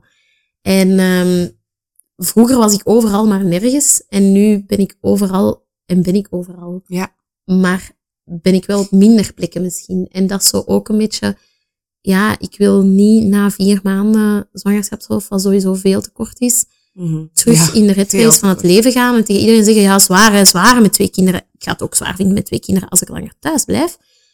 Maar ik heb nu al voor mezelf gekozen van, ik kies niet voor die chaos. En Nee. eh Glenn is daar heel gelijkaardig in. Ehm, hij wil ook wel zo'n paar stappen zetten om gewoon, wij zijn beide wel zo van, ja, werken om te leven en niet leven om te werken. En dat is ook goed dat we daar beiden ook die, ba Ja. dat die balans in vinden. Heel belangrijk. Ja. Ja. Dus ehm geeft mij superveel rust om ook te weten, ik heb daarna ook tijd om à la limiet aan mezelf te werken, if need be. Ehm, en ik weet bij wie ik terecht kan ook. Dus ehm, Dat is ook belangrijk. absoluut. Wetende dat er mensen zijn die je kunnen opvangen. Ja. Ja, ja. Dus- Want uw zoontje nu, is dat dan ook met een fertiliteitstraject gekomen of Nee. niet? Nee. Oké, dus nu zijn ze wel natuurlijk zwanger geraakt. Ja. En dat was wel zo, daar waren uiteraard veel gesprekken over. doen we een tweede traject of niet? Mhm. Hoe ver willen we daar ook in gaan? Voor mij is ook altijd wel het ding geweest, alles na één is de kers op de taart. Je wilt ouder worden of niet. En ik, geloof dat de wens naar een tweede even sterk kan zijn. Hè? Of naar Mhm. een derde of een vierde. Maar ik heb wel zoiets van, er is een heel groot verschil tussen nooit ouder worden en ouder van één of, allee, één, twee, drie Ja. kindjes zijn. Ehm, dus wij hadden wel gezegd van, ja, fertiliteit, weet je, we voelden ons heel goed in Jette. Ehm, het was daar uiteindelijk in Jette ook heel vlot gegaan. Dus we hadden zoiets van, ja, same protocol en dan moet het wel snel lukken. Ehm, maar ik had zelf zoiets van, ik geloof in mijn lichaam. Ik geloof echt in mijn lichaam. Ik heb zoveel geleerd over mezelf, over mijn lijf, over ja, natuurlijkheid. Ehm, dat ik eigenlijk zoiets had van, ja, ik wil dit, ik wil dit wel zelf proberen. Ik heb ook ehm, al die maanden dat ik bevallen was van Silou eigenlijk geen anticonceptie genomen. Maar Ah, ja. ehm, ik heb wel heel vaak gedacht dat eigenlijk er hormonaal wel effectief iets scheelde en dat eigenlijk de pil voor mij net beter was.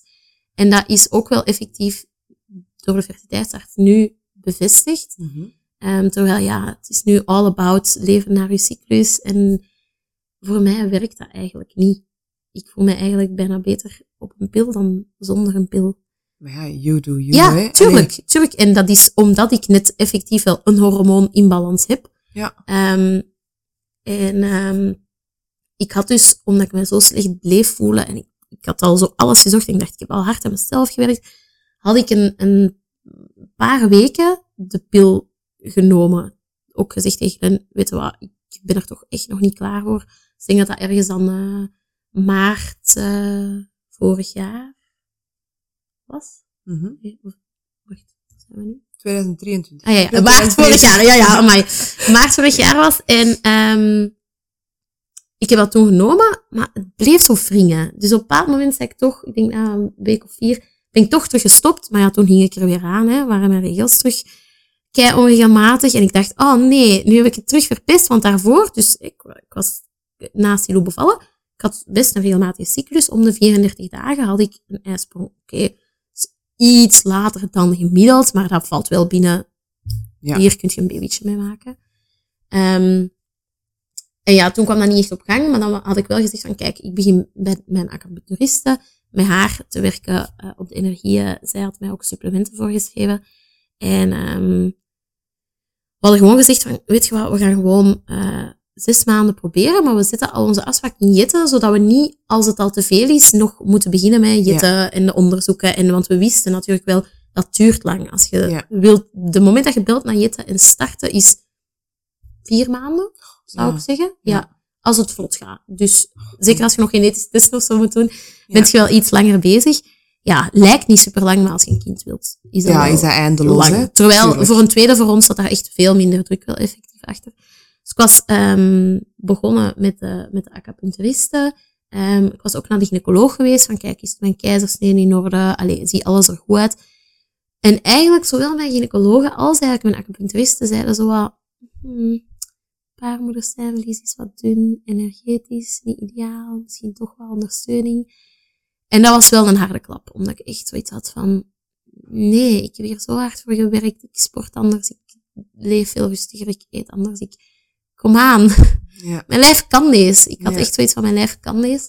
Ja. Ehm, maar dus na zes maanden nog niet zwanger, ook al had ik wel effectief ijsprongen, maar die waren heel moeilijk te voorspellen. Wat dus ook gewoon maakte dat we wel dachten dat we juist waren, maar door mijn hormoonstoornis, die ik wel heb, whatever it may call dan, ehm, test ik ook nooit eh, positief op een eh, zo'n ovulatietest. Ah, Dus het was vooral eigenlijk aan de afscheiding van mijn eh ja, vaginaal slijmvlies dat ik Ja. kon weten wanneer ik zwanger was. Want als dat zo heel draderig is en je kunt dat tussen je vingers trekken, ben je Ja. eigenlijk vruchtbaar. Dus ik wist dan wel van, oké, nu is het moment. oké, dat wist ik niet. Ehm, maar ja, ik had wel heel fel zoiets, ja, voor ons beiden was dat zo terug.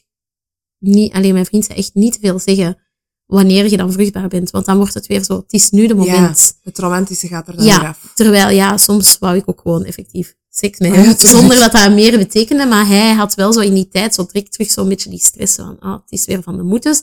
En dat ik soms wel zei, ik heb mijn ijsprong niet hoor. Allee, dus ja, dat was wel iets dat, dat ook bij een man zijn, Toch zijn littekens nalaat. Ja, absoluut, ja.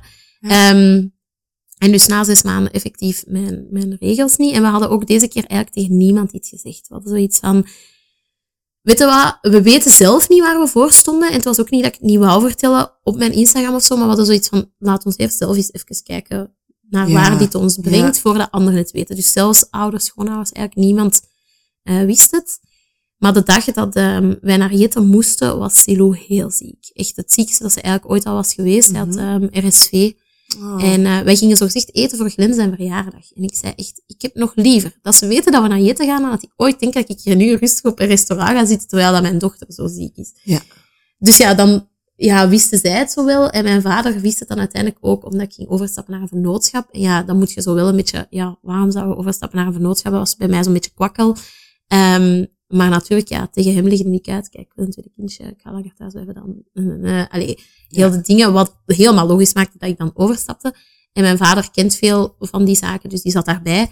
Dus ja, toen had ik zoiets van, ja, dan moet mijn mama het ook wel weten, want dan is dat Ja. zielig als zij het als enige niet weet. Dus uiteindelijk wisten zij het zo wel, dat we dan terug, allee, dat we terug bezig waren, dat we wel een tweede kindje wilden. En um, ja, dan zijn we in Jette geweest en die waren eigenlijk zo meteen van, oké, ja, we starten dan uh, terug met inseminatie. Je, je mocht volgende week starten. En wij echt zo, wacht, wacht, wacht, wow. Want ik was daar eigenlijk gekomen. Willen jullie dat? Ja, ik was daar echt gekomen met de vraag, kijk, um, mijn lichaam doet wel een cyclus, het is vrij onregelmatig, maar ik wil het eigenlijk zo natuurlijk mogelijk doen. Wat zijn de opties? Ja. En toen voelde ik wel, ik zit hier nu uh, niet op mijn plek in de zin van, daar was het, we're gonna get you pregnant as fast as possible. En ik was zo, nee, nee, I want as natural as possible. Ja, ja, ja, ja. Um, en dat voelde ik wel dat dat zo was. Ik heb uiteindelijk toestemming gekregen om één keer mijn cyclus te laten monitoren, maar ze waren wel zo van, daarna doen we wel inseminatie.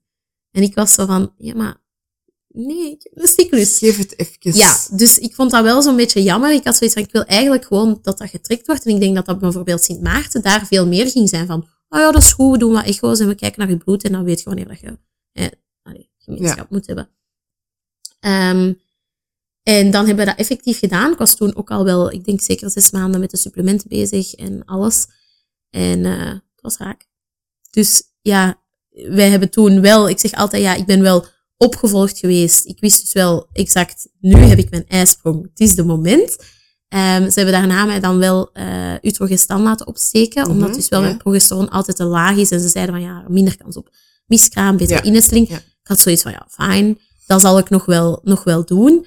Um, dus als mensen ook vragen, is het gebeurd via een fertiliteitstraject? Oh, nee, maar het is niet dat, dat er geen, dat niet uitgesproken nee, okay, is. Maar het, is wel op maar het was wel een natuurlijke manier. Er is inderdaad... Want eigenlijk waart je nog maar een, een maand bij Jette, als ja, je zal... Klopt, ja. Dus we hebben zeven maanden erover gedaan, wat ook een echt absoluut gemiddeld ja. ding is. Ja.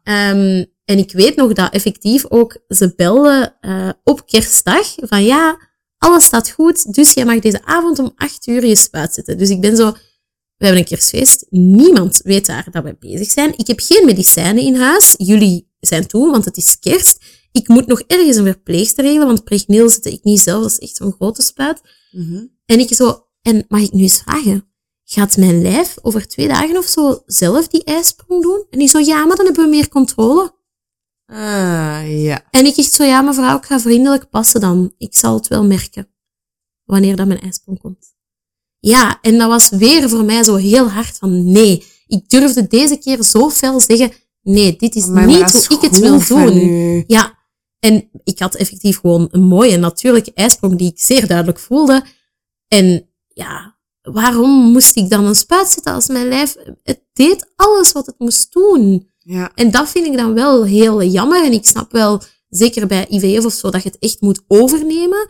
Maar ik had zoiets van, wacht, wacht, wij zijn hier wel... We hebben samen overeengekomen dat we het zo natuurlijk mogelijk gaan doen. Ja. En toch zeggen jullie nu, spuit nog iets iets. Want dan weten we exact wanneer je het hebt. Oké, okay, maar it's gonna jump, hè. Als jij mij zegt, ja. heb nu Ja, de komende tien dagen om de twee dagen seks, ik zal het wel doen. Nu, niet iedereen... Ik, ik stond daar zo in de tweede keer nadat ik wist wat dan mijn lijf had meegemaakt. Ik heb ook um, nog na bevalling heb ik ook last gekregen van noem het vaginisme, vulvodynie, whatever. Dus ik had eh, heel veel pijn De bij verkramping bij verkramping. seks. klopt. Ja. Wat dan ook nog een heel traject was, dat ik echt zoiets had van mijn lijf was schreeuwde gewoon om laat mij even Ja, laat me doen. even. Klopt. En ja, ik ben zo blij dat ik dat gevolgd heb. En zo trots op mezelf en mijn lichaam van, zie je wel? Ja. We kunnen Komt het. wel goed, Ja. hè? En ik Ja. zeg altijd wel, dat dit is, ik heb mijn post dan ook gedaan, vertellende van, kijk, wij hebben geen traject meer nodig gehad. Ik zeg altijd, er zijn mensen die dit wel nodig hebben. Ik wil Ja. niet beweren van, oh, doe wat acupunctuur en eet wat nee, gezond. helemaal niet. En maar je, dit je was niet meer traject, nodig. hè? Ja, er zijn mensen die het wel nodig hebben en het is fantastisch dat het bestaat dan. Ja. Maar ik denk wel dat je mocht in vraag stellen, is dit de manier waarop ik het wil? Wil ik het eerst op een andere manier bekijken? Natuurlijker. En als jij zoiets hebt van, nee, ik geloof vooral in westerse geneeskunde, graag, hè, be my guest. Allee, je Tuurlijk. moet doen waar je je goed bij voelt, maar voor mij voelde het zoveel fijner om, om te werken met natuurlijk, ja, natuurlijke zaken. Maar ja, op zich, iedereen moet gewoon luisteren naar zijn of haar lijf en Ja. naar hoe dat jij daarin staat mentaal, met je partner, zonder partner. Hè. Als vrouw zijn dan alleen, maakt niet uit. Mhm. Maar je, je moet echt, allee, dat is hetgeen wat ik nu bij de meeste mama's al heb gehoord. Luister naar jezelf. Ja. Wat vind jij nodig? Wat wilde jij doen? Wat heb jij daarvoor over? Ja. Dat is belangrijk, hè? En het is niet omdat een dokter tegen u zegt, we gaan het nu zo doen, dat jij dat moet volgen. Wilt dat daarom zeggen dat het misschien niet gaat lukken? Ja, dat kan natuurlijk, hè? Mhm. Maar als jij er op dat moment nog niet klaar voor bent, moet je dat nog niet doen. Nee, klopt. Dus ja, kijk goed, nu zit jij natuurlijk zwanger Van een tweede. van een tweede. Ja. Ja, ja. Want op uw Instagram is het ook bekendgemaakt wat het wordt. Ja, ja, ja, Ja, ja, ja, Dus er zijn geen geheimen. Het wordt Nee. deze keer een zoontje. Ja. Voilà. Amai. Ah, wel, dan hoop ik in ieder geval dat dat een kei mooie zwangerschap gaat worden. Heb je nu veel last? Ja. ja, het is echt een heel andere zwangerschap. Ja. Ben ehm 16 weken echt, allee, ja, vanaf week 5 tot week 16 echt de hele tijd misselijk geweest en heel vermoeid. Ehm, maar echt, ja, die misselijkheid ging ook niet over. Dat je op den duur zo winst wil overgeven. En ik denk, ik heb al van veel vrouwen gehoord, als je overgeeft, Ga je het ook niet nee, veel dan gaat het ook niet, niet voorbij of zo. Nee. Ehm, dus ja, dat was wel heavy. En nu heb ik wel zo best veel last van hoofdpijn. En het is zwaarder sowieso als je een kindje hebt rondlopen. Ehm, maar nu voel ik me wel redelijk goed. Ja. Het is echt dag per dag. Ja, het is dag per dag. Ja. Klopt. De ene dag is beter dan de andere. Ja. Ja. Ja. Maar wel, laat ons hopen dat het dan toch nog goed verloopt. ja, het is dat. Zonder ja, ja. al te veel hobbels en bobbels. Ja, maar ook vrouwen die denken elke... Er wordt heel vaak gezegd van... eh tweede zwangerschap gaat zoveel sneller als jij het gevoel hebt dat dat niet zo is. Ik heb ook het gevoel dat dat echt niet zo is. Dus dat is ook oké als jij dat, die mythe niet volgt. Want dat is, Nee, eh, voor nee. mij lijkt deze veel langer te duren dan bij Silou. Ja. Omdat zo... Ja, en vind je het deze keer leuk om zwanger te zijn? Of vind je het niet zo Ehm, leuk? Ja, eh, nu wel. Ik, in het begin was ik heel onzeker, omdat ik heel snel echt een buikje had. Er kwam ook heel veel bij, doordat ik veel moest eten. Ik probeerde dan wel gezond te eten. Ehm, en dan wa- was ik wel in het begin echt heel onzeker. Dat ik echt dacht van, wauw, als ik me zo ga voelen, want ik had mij wel voorgenomen, de tweede keer ga ik meer genieten.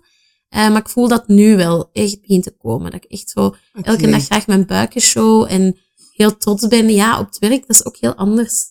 Mensen zien mij nu zwanger, hè. Ja, En dat is zowel, ik ben nu zo van, nu ben ik zwanger zoals het zou moeten zijn. En mensen die mij zien en daar veel achter vragen. En, Ja. ehm, dus corona ja, blijft ver, ver, ver, ver, ver weg. ja, ja, ja. Dus eh, ja, nee, nu, eh, nu voel ik me wel goed, geniet ik er wel van. Ja. Ja, dat is fijn. Ja. Dat is wel echt fijn. Ja. En vind je het moeilijk dat je zo bij aan, het bijkomen bent, of niet? Vind je dat zelf voor je eigen moeilijk? Ja, ja, ja, ik vond dat moeilijk met Silou.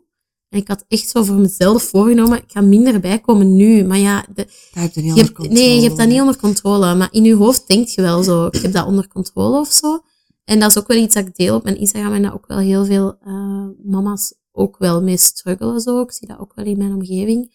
Ehm, ik heb ook nadat ik eigenlijk bevallen was van Silou vrij snel, ja, ja gedieet eigenlijk. Ja. Ehm, en ik kreeg daar ook wel best wat commentaar op. Zo, zwaar, je lichaam moet negen maanden ontzwangeren. Eh, maar ik ben iemand die sowieso het wel belangrijk vindt om, om sportief te zijn en, en niet te zwaar te worden. Ik ben eigenlijk vanaf kind, ik heb wel een aanleg om, om zwaarder te worden. Ehm, dus dat is wel iets waar ik mee zit. En voor mij voelde het niet goed om lang vijf kilo extra of zo mee te sleuren. En sommige vrouwen hebben echt zoiets van, ik kan dat loslaten en echt zalig voor jou. Amai, want ik wou dat ik het kon. Ja, ik kan het ook niet. Maar ik was zo onzeker, elke dag opnieuw. En ik was blij dat ik dat in, in handen kon nemen. En kon zeggen van, nu ga ik eraan werken, ik wil die kilo's kwijt. Ja. Ehm, en dat heb ik dan ook gedaan. En ja, ik denk ook wel dat ik dat nu ook vrij snel terug ga doen. Eh, dat was nooit ongezond, hè. Ik had meer dan genoeg, maar wel echt zo alles wat suikers en zo schrappen. En, Ja. ehm, omdat ik zo wel iets, ja, ik ben ook bevallen in de zomer toen, 21 juni. Dus ja, je zei, je zei nog postpartum, zeer postpartum. Juli, augustus, ja. Alles wat je draagt is meestal weinig verhullend. En terwijl nu beval ik dan zo eind september en dan denk ik wel van ja, misschien dat ik nu wel zo wat meer ga zijn van oh, gezellig rollen in de winter is niet zo erg. De winter is Ja. wij losse dingen dragen. Maar uw eigen in de spiegel zien als vrouw zijnde is toch altijd heel moeilijk. Hè? Allee, ik heb dat zelfs nog altijd. Dat ik in de spiegel zie en andere mensen tegen mij zeggen, maar Stefanie, je is toch een mooie vrouw. Dan denk ik, dat is kei lief dat je dat zegt, maar ik zie mijzelf in de spiegel en ik Ja. denk, waar is dat lijf van ooit naartoe? Ja. Ja, en Ja, als ik- zwangere vrouw is dat, of pas bevallen vrouw is dat net toch kei Ja. moeilijk om te Ik vind dat ook altijd heel jammer als mensen bijvoorbeeld zo zeggen van, ehm, ja, eh esteem, allee, ik geloof dat sommige vrouwen effectief zeggen, ik vind dat niet erg en dat hoort erbij. Maar ik denk dat je ook niet mocht wegcijferen dat heel veel vrouwen dat wel erg vinden. En Ja. dat dat los staat van hoe dankbaar je bent voor je kindje. Ja. Dat is met alles zo, weet je, ook met klachten. Wees blij, je bent zwanger. Maar ik ben blij dat ik zwanger ben, maar ik heb ook klachten. En dat Ja, is niet dat altijd is- even leuk. En dat vind ik altijd zo, het is zo precies, eh, je moet blij zijn dat je dit hebt, want je hebt er dat voor gekregen. Ja, maar die, die, Dat staat los dat van staat los van elkaar. Je kunt ook, Ja. vroeger dacht ik ook, je kunt niet gelukkig en ongelukkig tegelijk zijn. Tuurlijk wel. Je Ja. kunt zoveel gevoelens door elkaar voelen en dat laat, laat mensen die ook door elkaar voelen. Ja, ja, dat is, Ehm, respecteert elkaar dat gebied. Je moet het niet begrijpen, je Nee. moet het gewoon respecteren. Dat heb ik tot hiertoe al heel vaak gezegd. Respecteer het gewoon. Ja, absoluut. Het wil niet zeggen omdat je het niet snapt, of omdat je het niet hebt meegemaakt, of whatever, dat je het niet moet respecteren. Gewoon een beetje meer liefde en respect voor elkaar zou goed zijn. Niet de HLN-comments lezen dan. Ja, ja, nee, nee, dat gaan we misschien best niet doen. Zijn er nog tips die dat jij zou willen delen met andere mama's? Ehm, ja, ik denk de eerste, eh, als je denkt dat er iets fertiliteitsgewijs mis is, ga meteen naar een fertiliteitskliniek, want daar zit je gewoon op de juiste plek. En dat wil daarom nog niet zeggen dat je het moet doen. Ehm, twee, het is oké als je mama wordt en niet meteen alle gevoelens voelt die je moet voelen. Helemaal waar. Ja. Ehm, en drie, weet dat als ehm, je soms reacties krijgt die je misschien kwetsen, dat dat misschien vaker vanuit onbegrip komt dan je denkt. En dat mensen het over het algemeen wel goed voor hebben. Ja. En dan misschien door te vertellen hoe jij je voelt bij die reactie, die persoon net de volgende keer meer begrip gaat tonen voor jou of anderen die het meemaken. Helemaal waar. Ik denk Ja. dat dat heel mooie tips zijn voor de mama's. Dus uh, ja, dankjewel dat jij hier waart en Heel dat jij je verhaal hebt gedeeld. Dat was leuk. Merci. Tot de volgende keer. Tot de volgende.